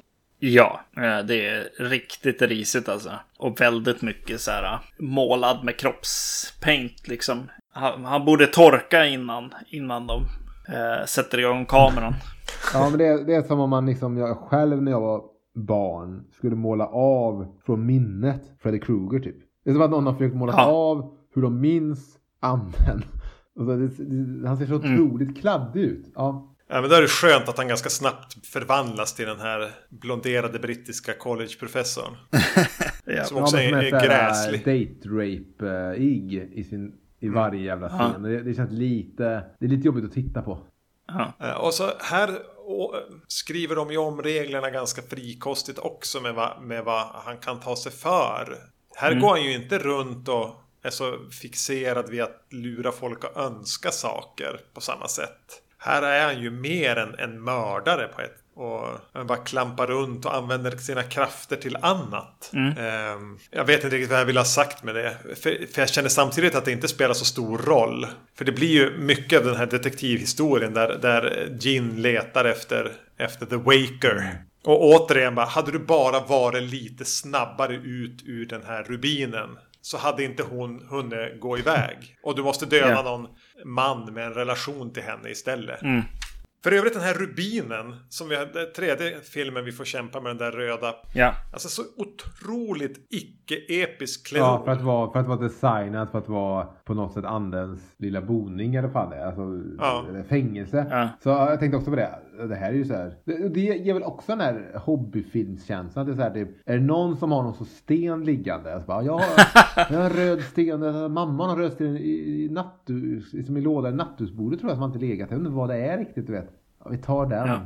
Vi går in på den här eh, New Age-butiken och köper någon glasgrej. Ja men typ. Att de inte har 89 spänn. skapat liksom en så här en ikonisk jävla, typ som alltså Hellraisers vet, puzzlebox. Men det är ju det de försöker med här. Alltså, jag- jag tror att han Chris Angel håller med dig och, och kommer på att så här, ja, men jag gör en låda runt den i alla fall. För det är ju en Hellraiser-box i den här, även om den är så här. Det är det faktiskt. Väldigt- När du säger det. Ja. Ja. Kommer jag tänka på det, ja. Precis. Jag tänkte på det när jag såg filmen. Vilket, Men det är jag ändå, vet inte. I den ligger ändå bara en rund, nästan helt, den är helt slät, bara rund sten. Inte ens, alltså det finns ju en Nej. miljard olika sätt man skulle kunna liksom bygga ihop den här stenen. Och Mm. så är det bara, det är bara en röd sten som han bor i. Ja. Jag tycker det är ganska kul att hon bara klampar in på någon utställning och rotar runt bland så här jättedyra artefakter på någon förpersisk utställning. Och, och, och har typ sönder en grej. Eller hon lyckas öppna den. Och så dyker den här date rape professorn upp.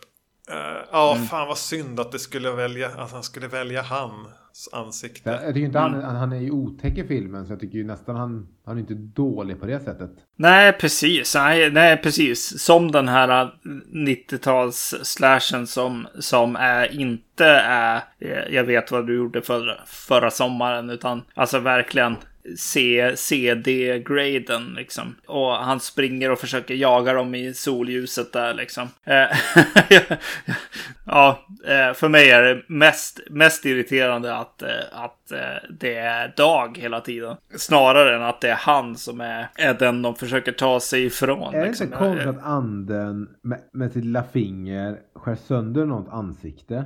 Tar på sig ansiktet och så blir han personen. Jag menar, han tar ju bara liksom ansiktet. Och så plötsligt bara förvandla, morfas han till hela personen. Ja. Ha, har vi problem med det nu helt plötsligt? Jag trodde vi var överens om att det var en, var en liten kul gimmick här för, i första filmen. Jag vet Men då var han ju å andra sidan Det är bara lika någonting stor. med att han skär, skär, skär runt ett litet ansikte som att han vore Anthony Hopkins i När lammen tystnar. Och Ja. tar han det lilla ansiktet och sätter på. Och så bara huden gör att hela han morfas till personen. Ja, men det är väl inte som en rit. Det har jag absolut inga problem med. Jag skulle nästan säga att det är på pluskontot i Gå de in här med filmerna. sin själ i honom eller någonting. Ja, jag vet inte. Ja. Som, som Jason brukar Men det är göra. alltid kul i de här filmerna faktiskt när, de, när han tar loss ansiktet. Och det alltid är så jävla geggigt och blodigt och skit. När liksom drar loss det här ansiktet. Ja, på ett ganska sätt som inte alls känns speciellt baserat inom verklig anatomi. Men det är väldigt Nej, geggigt. Men det ger mig Hellraiser flashbacks på ett skönt sätt. Ja. Det är ju den här filmen, alltså det är någon som har gått en, en skrivarkurs här, alltså med de här, det är ju här den här jump scaren som du, du minns Emil med, vad heter det, det stora, stora masken med horden eh, är med. Där de vet hur man sår och skördar liksom. och verkligen visar att här kommer det hända grejer alltså. Med de här hornen. Ja men den scenen är ja, du- okej den scenen är så jävla dålig för att Som jag minns det, jag kanske, jag kanske minns det fel för jag minns ingenting av den här filmen. Har jag nämnt att jag tycker att den här filmen faller väldigt platt. Men Hon skrämmer om det är sin pojkvän med det stora hornet I sängen eller vad det är. Mm. Men sen säger hon direkt efteråt, jag måste tillbaka till, la, till, typ, till skolan eller till eh, någon jävla sal för att hjälpa huvudkaraktären med någonting. Det är så jävla idiotiskt. Så hon skulle alltså bara skrämma om det är hennes pojkvän. Och sen direkt bara, ah, men jag måste bara dra nu för jag ska hjälpa lite med plugget här. Vi ska, ska plugga lite. Men de här filmerna och eh, fyran också verkar ju det finnas en producent, någon som har chippat in pengar som gillar sex. Ja, För här är det ju mycket mer nakna bröst och sexscener. Mm.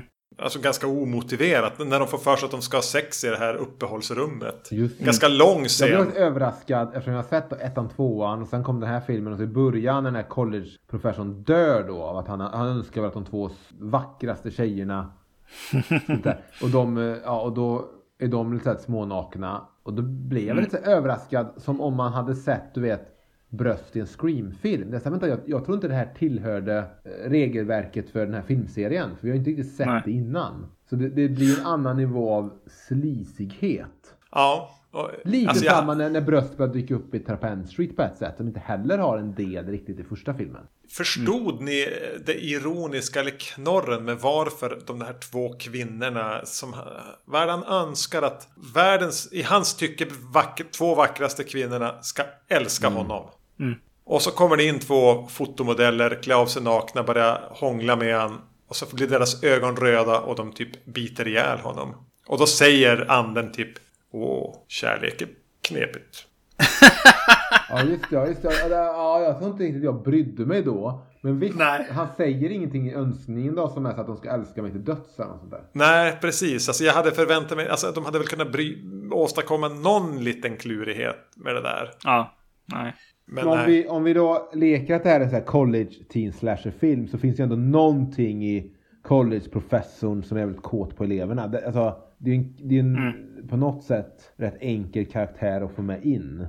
Ja, Så det kan jag ändå köpa det inslaget för att det, det ger dem någonting att tycka var lite så här otäckt och lite så här typ fan han är jobbig. Sen råkar han också då vara den anden. Men visst. Äh, Men det är väl också där, ja. Det var inte så att han nödvändigtvis blev så mycket värre. Efter Nej. att han byttes ut mot, mot den onda anden. Jag, jag som den som så här, eh, kände mig hemma lite grann när jag såg den här filmen. Och, och alltså, jag håller med om allt, allt ni säger och jag tyckte inte om den här filmen heller. Men, men det, det var just så här lite kläder och lite, lite så här, åh, jag försöker göra samma åkning som i H2O och så där. Eh, när han jagar dem vid något tillfälle och så där. Att jag fick lite, lite, lite vibb liksom. Det som jag, som jag kände var det riktigt jobbigaste. Alltså det jobbigaste bland allt det här jobbiga. Det var ju att den, den försöker lägga in fight-scener. Med, med så här svärd, svärdfighter som, som ingen har koordinerat liksom. Eller liksom.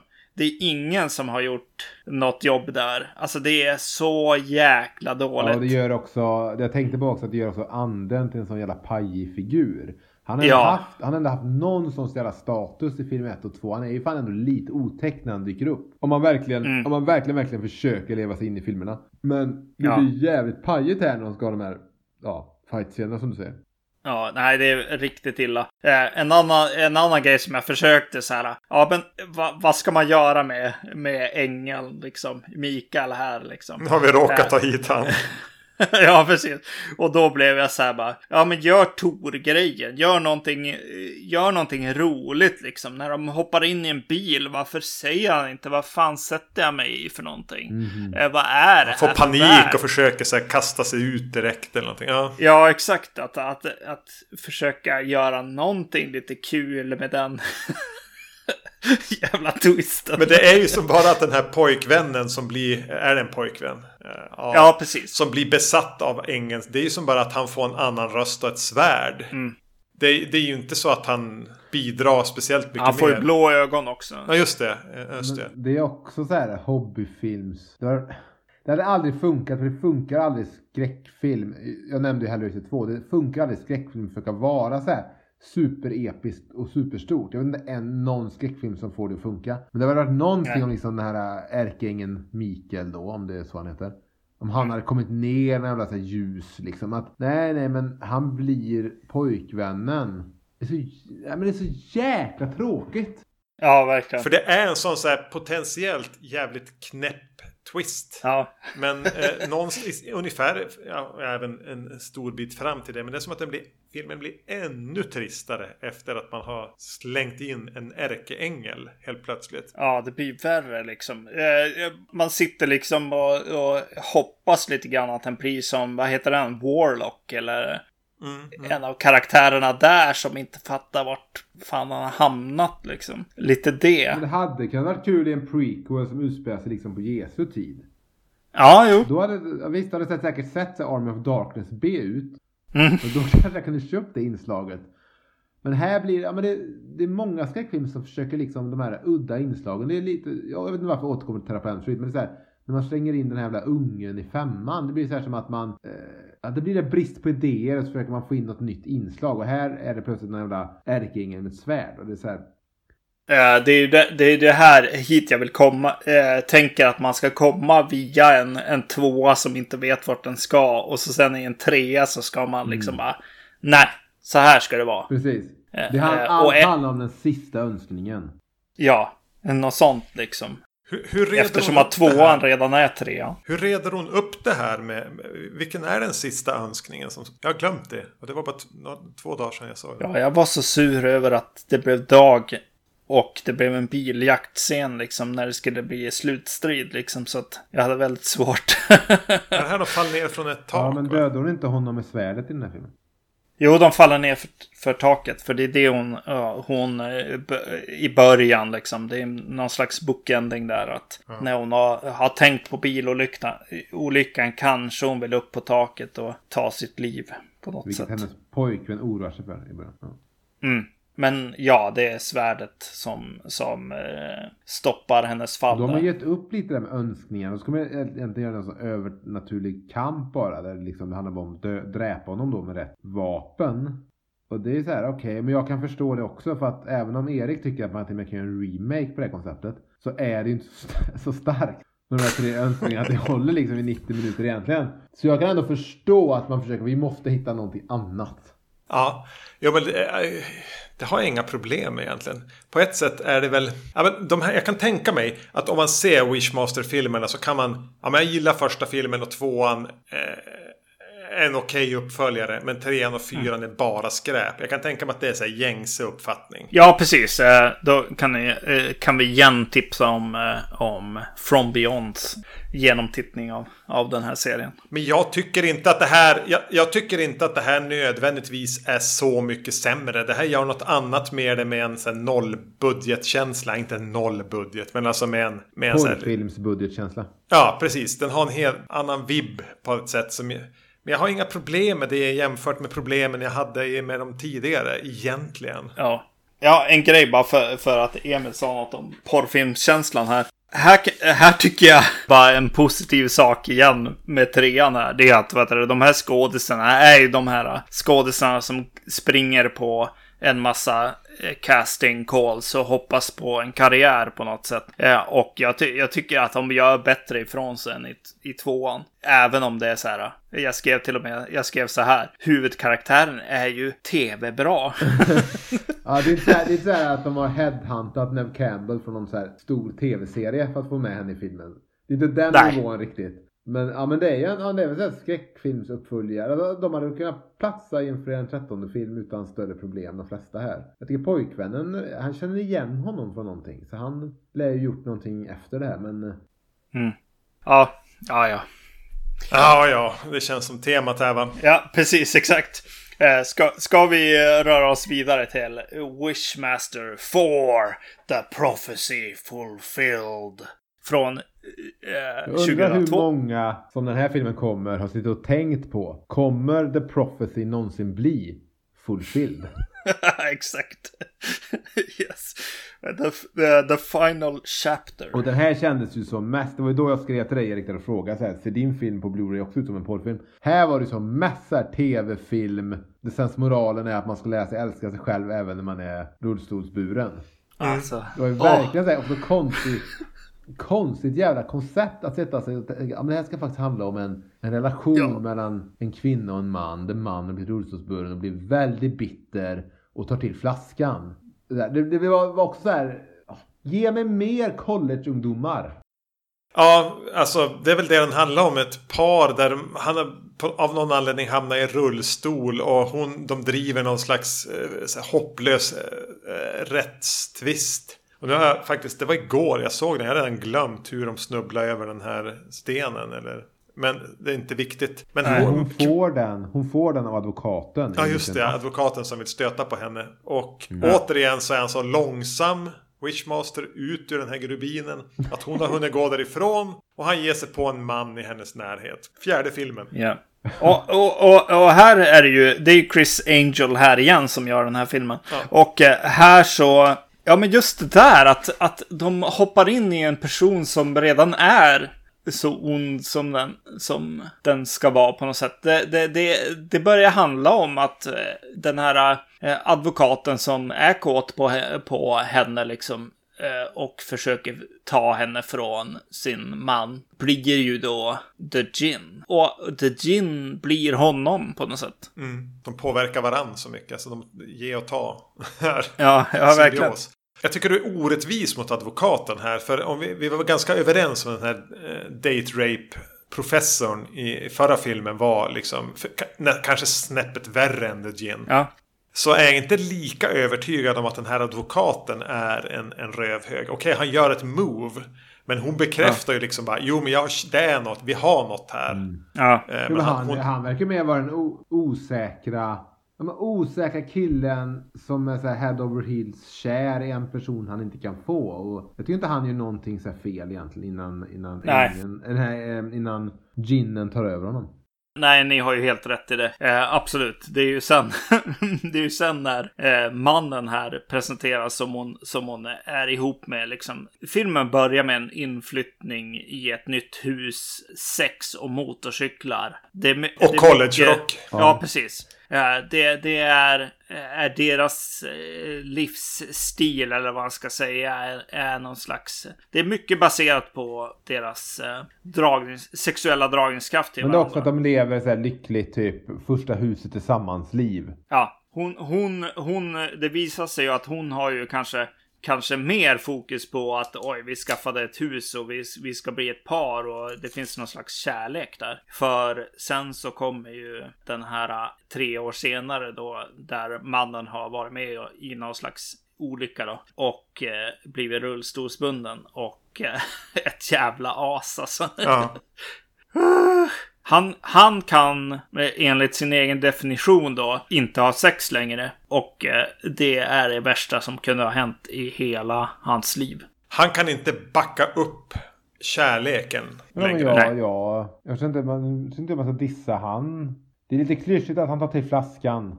Ja, och sitta och kolla mm. på jättetafflig internetporr. Jag kan förstå hur osäker han måste känna sig i en relation med någon. Om man plötsligt liksom, vi levde ett motorcykel och eh, sex så fort vi får chansen i vårt nya hus. Eh, vi har skaffat tillsammans, eller vi kanske ska skaffa en familj och allting är sådär bra. det livet.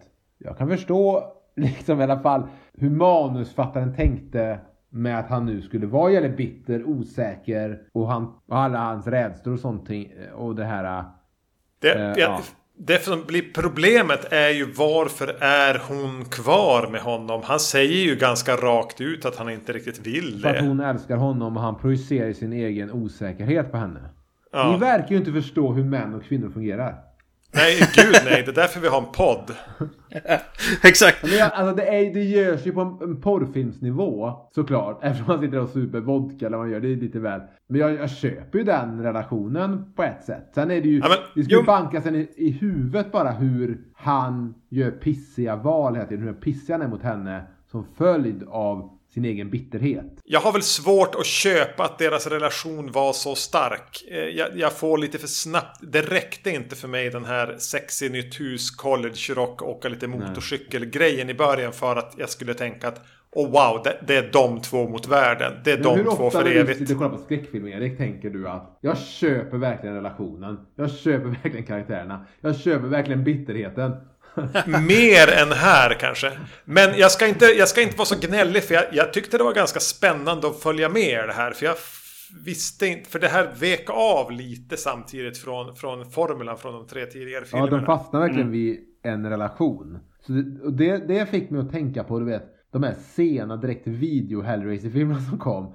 Som var väldigt små, intima, surrealistiska, absurda skräckfilmer där de liksom trycker in Pinhead i slutet lite i fem minuter och får Doug Bradley åka upp till Kanada i två dagar.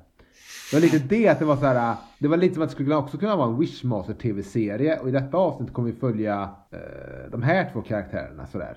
Det var inte liksom så här, som att det skulle vara liksom den fjärde stora filmen i tv-serien eller i filmserien. Men, eh, men ja precis. Ja, fan. Ja. Jag är som kvar vid att jag hela tiden tycker Eh, lite illa om honom just för att han fokuserar så jävla mycket på, på sin egen njutning. Det, det är som jag läser karaktären. Inte, jag läser inte det du, alltså att han är osäker och jag, kan, jag är inte värdig dig längre eller, eller sådana liksom tankar. Utan jag ser det verkligen jag, jag ser bara mannen som, som inte får eh, komma till liksom, ja, jag känner, njutning jag bara, längre. Ja, jag ser bara hans egen skuld och skam och osäkerhet.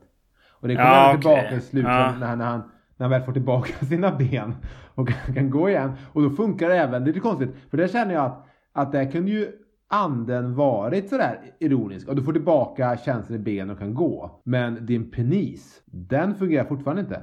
Nej. Men hur som helst, då, känner, då tycker jag ändå det är lite intressant faktiskt. Faktiskt någonting i de här fyra filmerna som är intressant. Det är att han ändå har kvar sin bitterhet. Men då handlar det om känslan av att jag såg hur du, jag, jag såg väl hur du såg på mig när du var tvungen att bada mig, tvätta mig, ta hand om mig, torka mig och allt det här. Att de ändå inte kan vara det där sexiga, heta paret. Ja, men där är filmen nästan inne och kommer åt någonting som är för diskbänksrealistiskt. Alltså de är ah, inne okay. på... Ja, alltså jag håller med. Det är intressant. Eh, det är ganska så här spot on på ett sätt. Alltså vad, vad gör det med en relation och så vidare. Eh, jag var inte beredd på att få det i Wishmaster 4. Hur liksom det, en, en svårt skada, handikapp påverkar en relation. Det är det som får mig att tänka att de har fått tag i något manus från så här, någon handikappsförenings informationsfilm i USA. Och så, här, och så har de tagit, tagit det manus. Eller typ no, manusfattaren hade tidigare skrivit en, någon sorts så här, informationsfilm för eh, människor som blivit rullstolsburna. Och att hantera sin egen bitterhet och hur man kan må. Han har liksom tagit med det när han skulle göra den här filmen. Att det, det finns någonting mm. sånt. För att ja, jag håller med om att det kanske inte passar i en sån här film. Men det ger ändå någon det är ändå någon, något sorts, någon intelligent take på det hela som jag tycker är lite intressant. Ja, och framförallt var det väldigt oförutsägbart för mig. Jag visste inte vad det här var. Jag visste inte vart det skulle ta vägen just eftersom den avviker mest av de här fyra filmerna från formulan. Mm. Uh, där, där, där, tycker jag att filmen har poänger, men det är nog en annan formula kanske som jag tänker på. Jag tänker ju mest på att så här, hon vet inte att ginnen är en grej. Hon vet inte att hon måste undersöka någonting överhuvudtaget. Hon har ingen information om, om det och ginnen jobbar utifrån en, en ny taktik för Ja, att The long komma... con. Han har inte så bråttom här. Nej, precis. För att komma till, till poängen liksom. Och eh, det känns mer så här spännande efter tre, tre exakt likadana filmer. Ja. Okej, ah, nu har han tänkt efter. Det, det, var, det var lite kul att höra att, att de här två filmerna är gjorda liksom direkt efter varann. Eh, för det känns ändå som att den här borde, borde i alla fall ha sett trean och börja förstå de här problemen. Och sen börja jobba ut efter dem. Men det, det kanske den inte har. Det är bara, bara att jag vill göra två olika filmer. och då, då kom den till, till den här greppet liksom där han undanhåller sig själv mer. Ja men visst leker den även med konceptet att uh, Jin här blir lite förälskad i henne. Jo, för Ja, hennes, vad är det hennes önskan är som han måste försöka få bli sann? Det är att han Jag öns- önskar att jag kunde älska honom som den han är. Ja, men Ja. Det, det blir intressant. Alltså om vi släpper nu att jag vill ha mina tonåringar och mina röda, röda muggar och allt det här. Mm. Och något så här kanske, ja, de springer nakna kanske på något sätt. Men så tycker jag att liksom att, okej. Okej, men ni gör det svårt för anden. Det är inte bara en jävligt platt detektivstory där han ska hitta personen eller vad det nu är och tre önskningar. Så tycker jag ändå det här att, okej, önskningen är så svår att han själv måste kämpa för det. Eh, Tycker där, där finns ju någon, även om det kanske inte passar egentligen en skräckfilm på ett sätt. Nej. Så tycker jag faktiskt att det gör att filmen blir lite mer intressant. Om vi släpper nu att vi tycker Wishmaster-filmerna är så jävla dåliga. Vi kommer aldrig se om dem. Du är en Blu-ray-box Erik. Så är det ändå så liksom att jag tycker bara det blir lite mer intressant. Men jag tycker också det är tråkigt att inte den här första skådisen, Andrew vad nu heter. Att inte han fick vara kvar i fyra filmer och kanske spela Vill du veta varför han lämnade?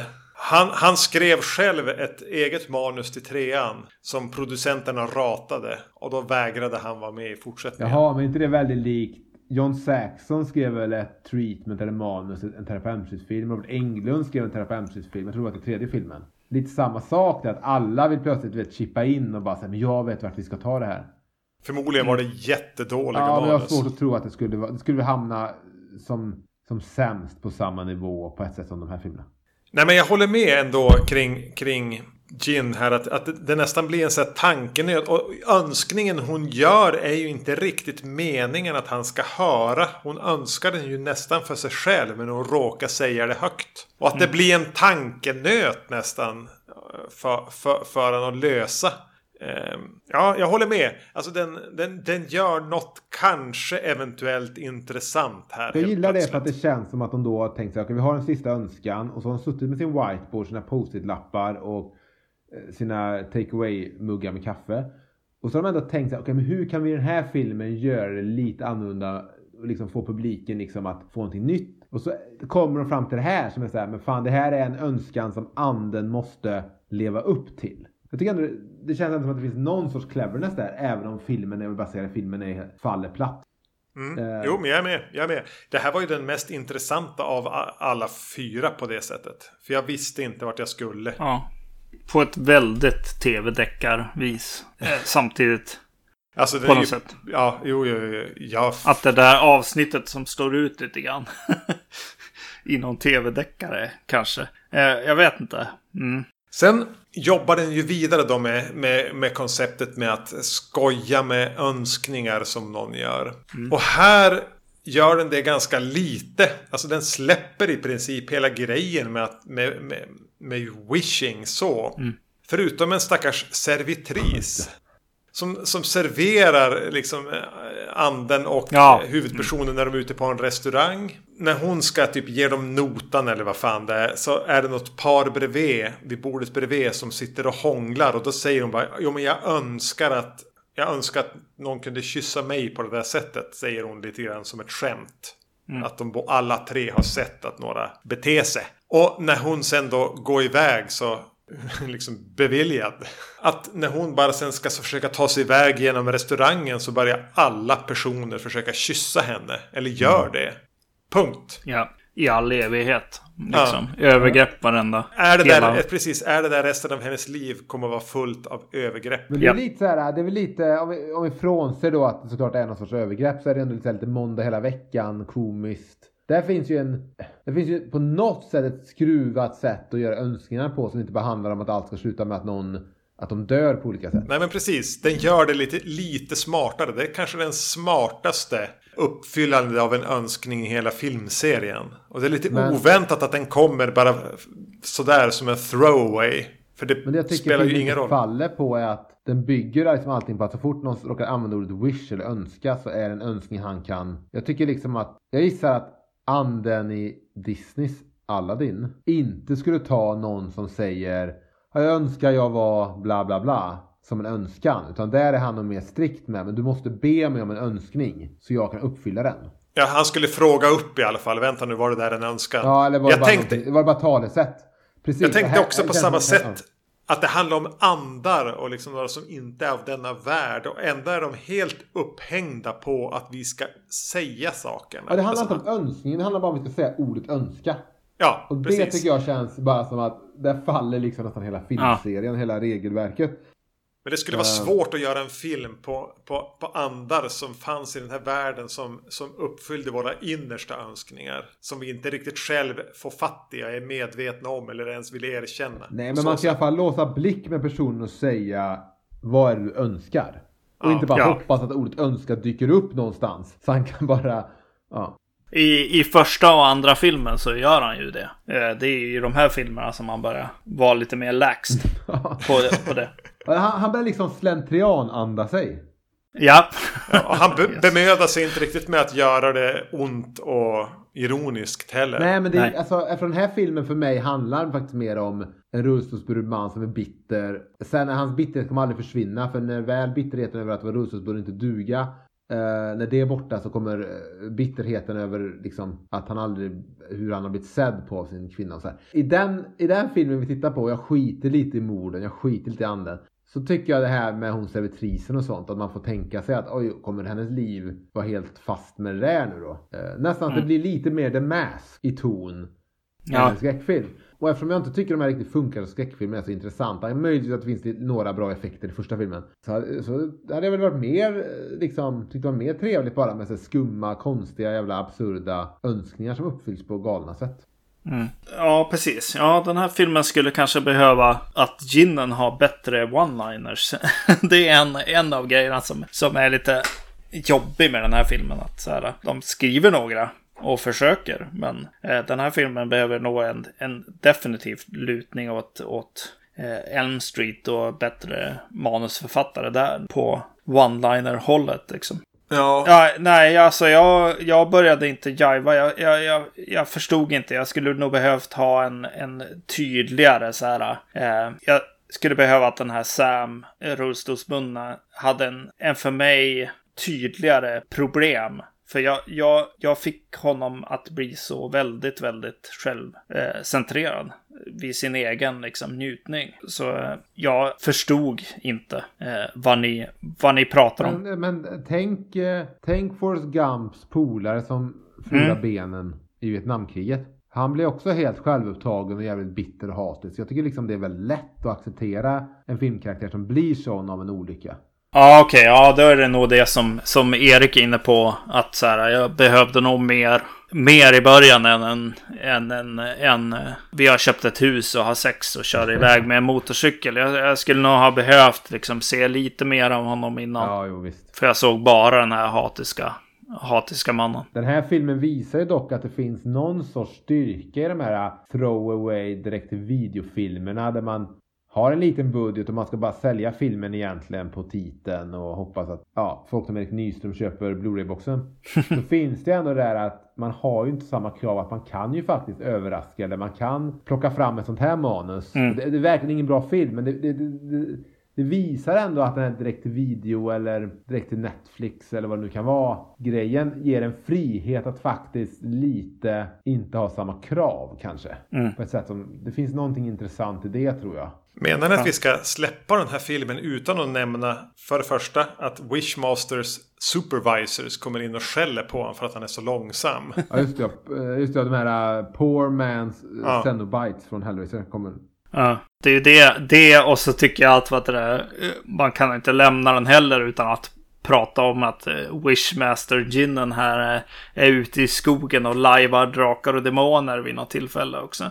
Det, det tyckte jag var... Att vi får, alltså, med, med The Hunter här som kommer in. En, en ny karaktär mm. som aktiveras om, om Wishmaster är för långsam.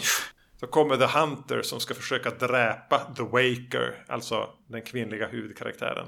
Ja. Så då måste ju han in och stopp, döda The Hunter. Alltså det här är också en... Och The Hunter här är typ en staty som fått till liv och är någon slags porrskådis med svärd. Så det är svärd även här som sagt var. Alltså...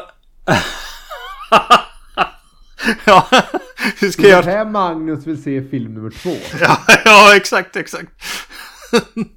precis, jo men det är det ju. Det är, eh, precis, en... Eh, yes, ja men det, det stämmer nog. Men då, då får den ju få lite mer plats i så fall. Alltså då får det ju bli, vad heter det, Warlock. Eller vad den heter. Med Julia men ska man gå in liksom. i den här, så här fantasy action eller vad fan det nu är. Lämna skräcken lite grann. Då måste man ju vara beredd att hantera det också. Ja.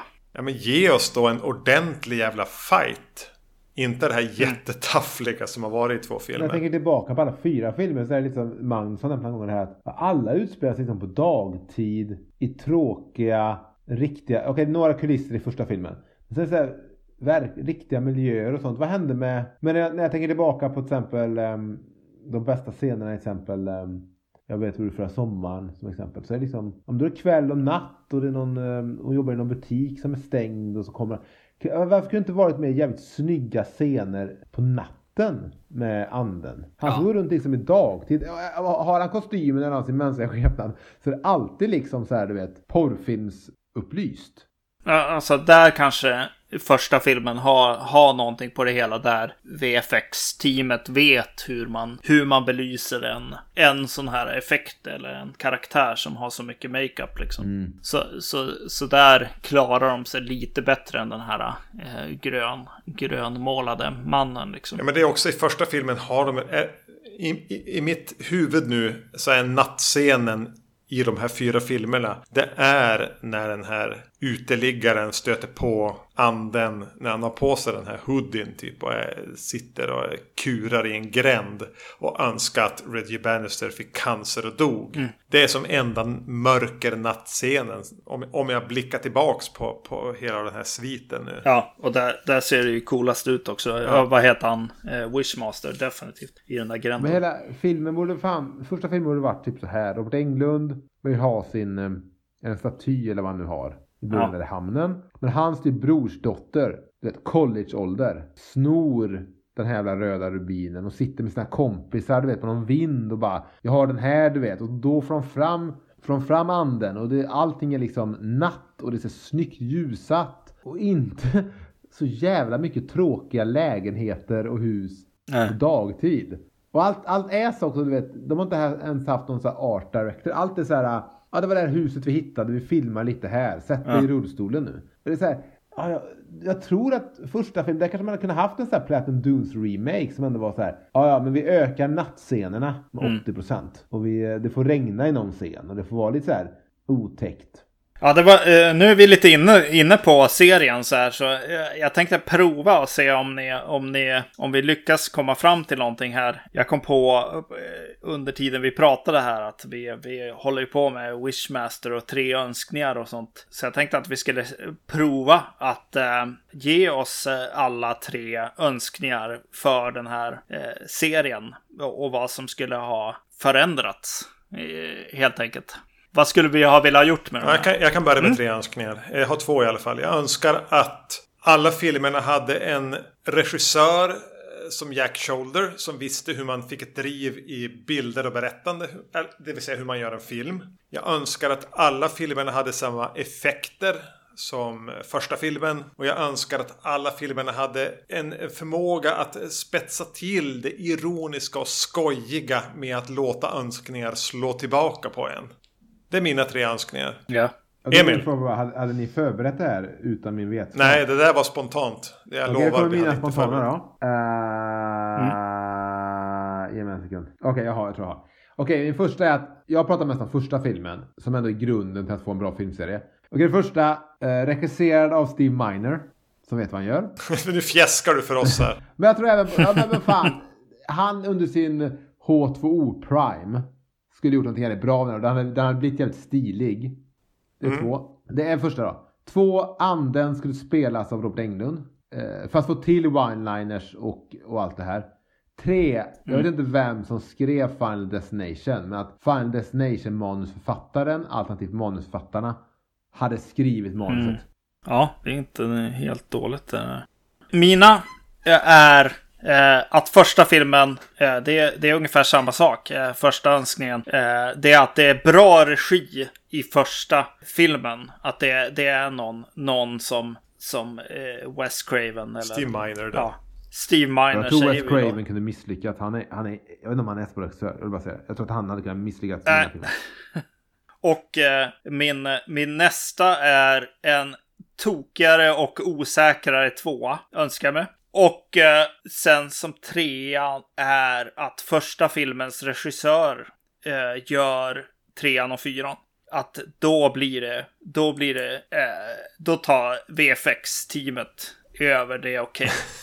Vadå för att du menar att det Ja. redan finns en grund då i första filmen? Och så att, att, Ja, att, precis. Ja, men lite som Chuck Russell var väl väldigt VFX-ig när han tog över Terrapin Street 3. Mm. De hade ett starkt manus såklart och sen så bara han var bara så här, jag vet hur vi kan leverera effekter så att vi tar Freddy till en ny nivå. Precis, de, de här sista filmerna är de som ska, ska göra liksom. Det här är en serie liksom. Och, Directed och vi by upp- Greg Nicotero. Ja, mm. Ja, vi, vi uppar för varje film. Men Tom Savini kunde ju regissera, gjorde inte han ett rätt bra jobb med den eh, Night of Living Dead-remaken? Ja, ja, det kanske han gjorde. Vi har inte... Det, det är ett framtida avsnitt, helt klart. Ja, det var för länge sedan jag såg den. Jättelänge sedan. Ja, ni Men jag säger ni- inte ni kan- emot dig. Ni kan prata om Night of Living Dead, Night of Living Dead den färglagda versionen och Night of Living Dead remaken. Men vad tror ni om, hade ni sett en Jeepers Creepers vs Wishmaster? Och få Mimic komma dit och, och leka eller? Ja. Eh, ja, det, jag vet, det kanske är uppföljaren till den.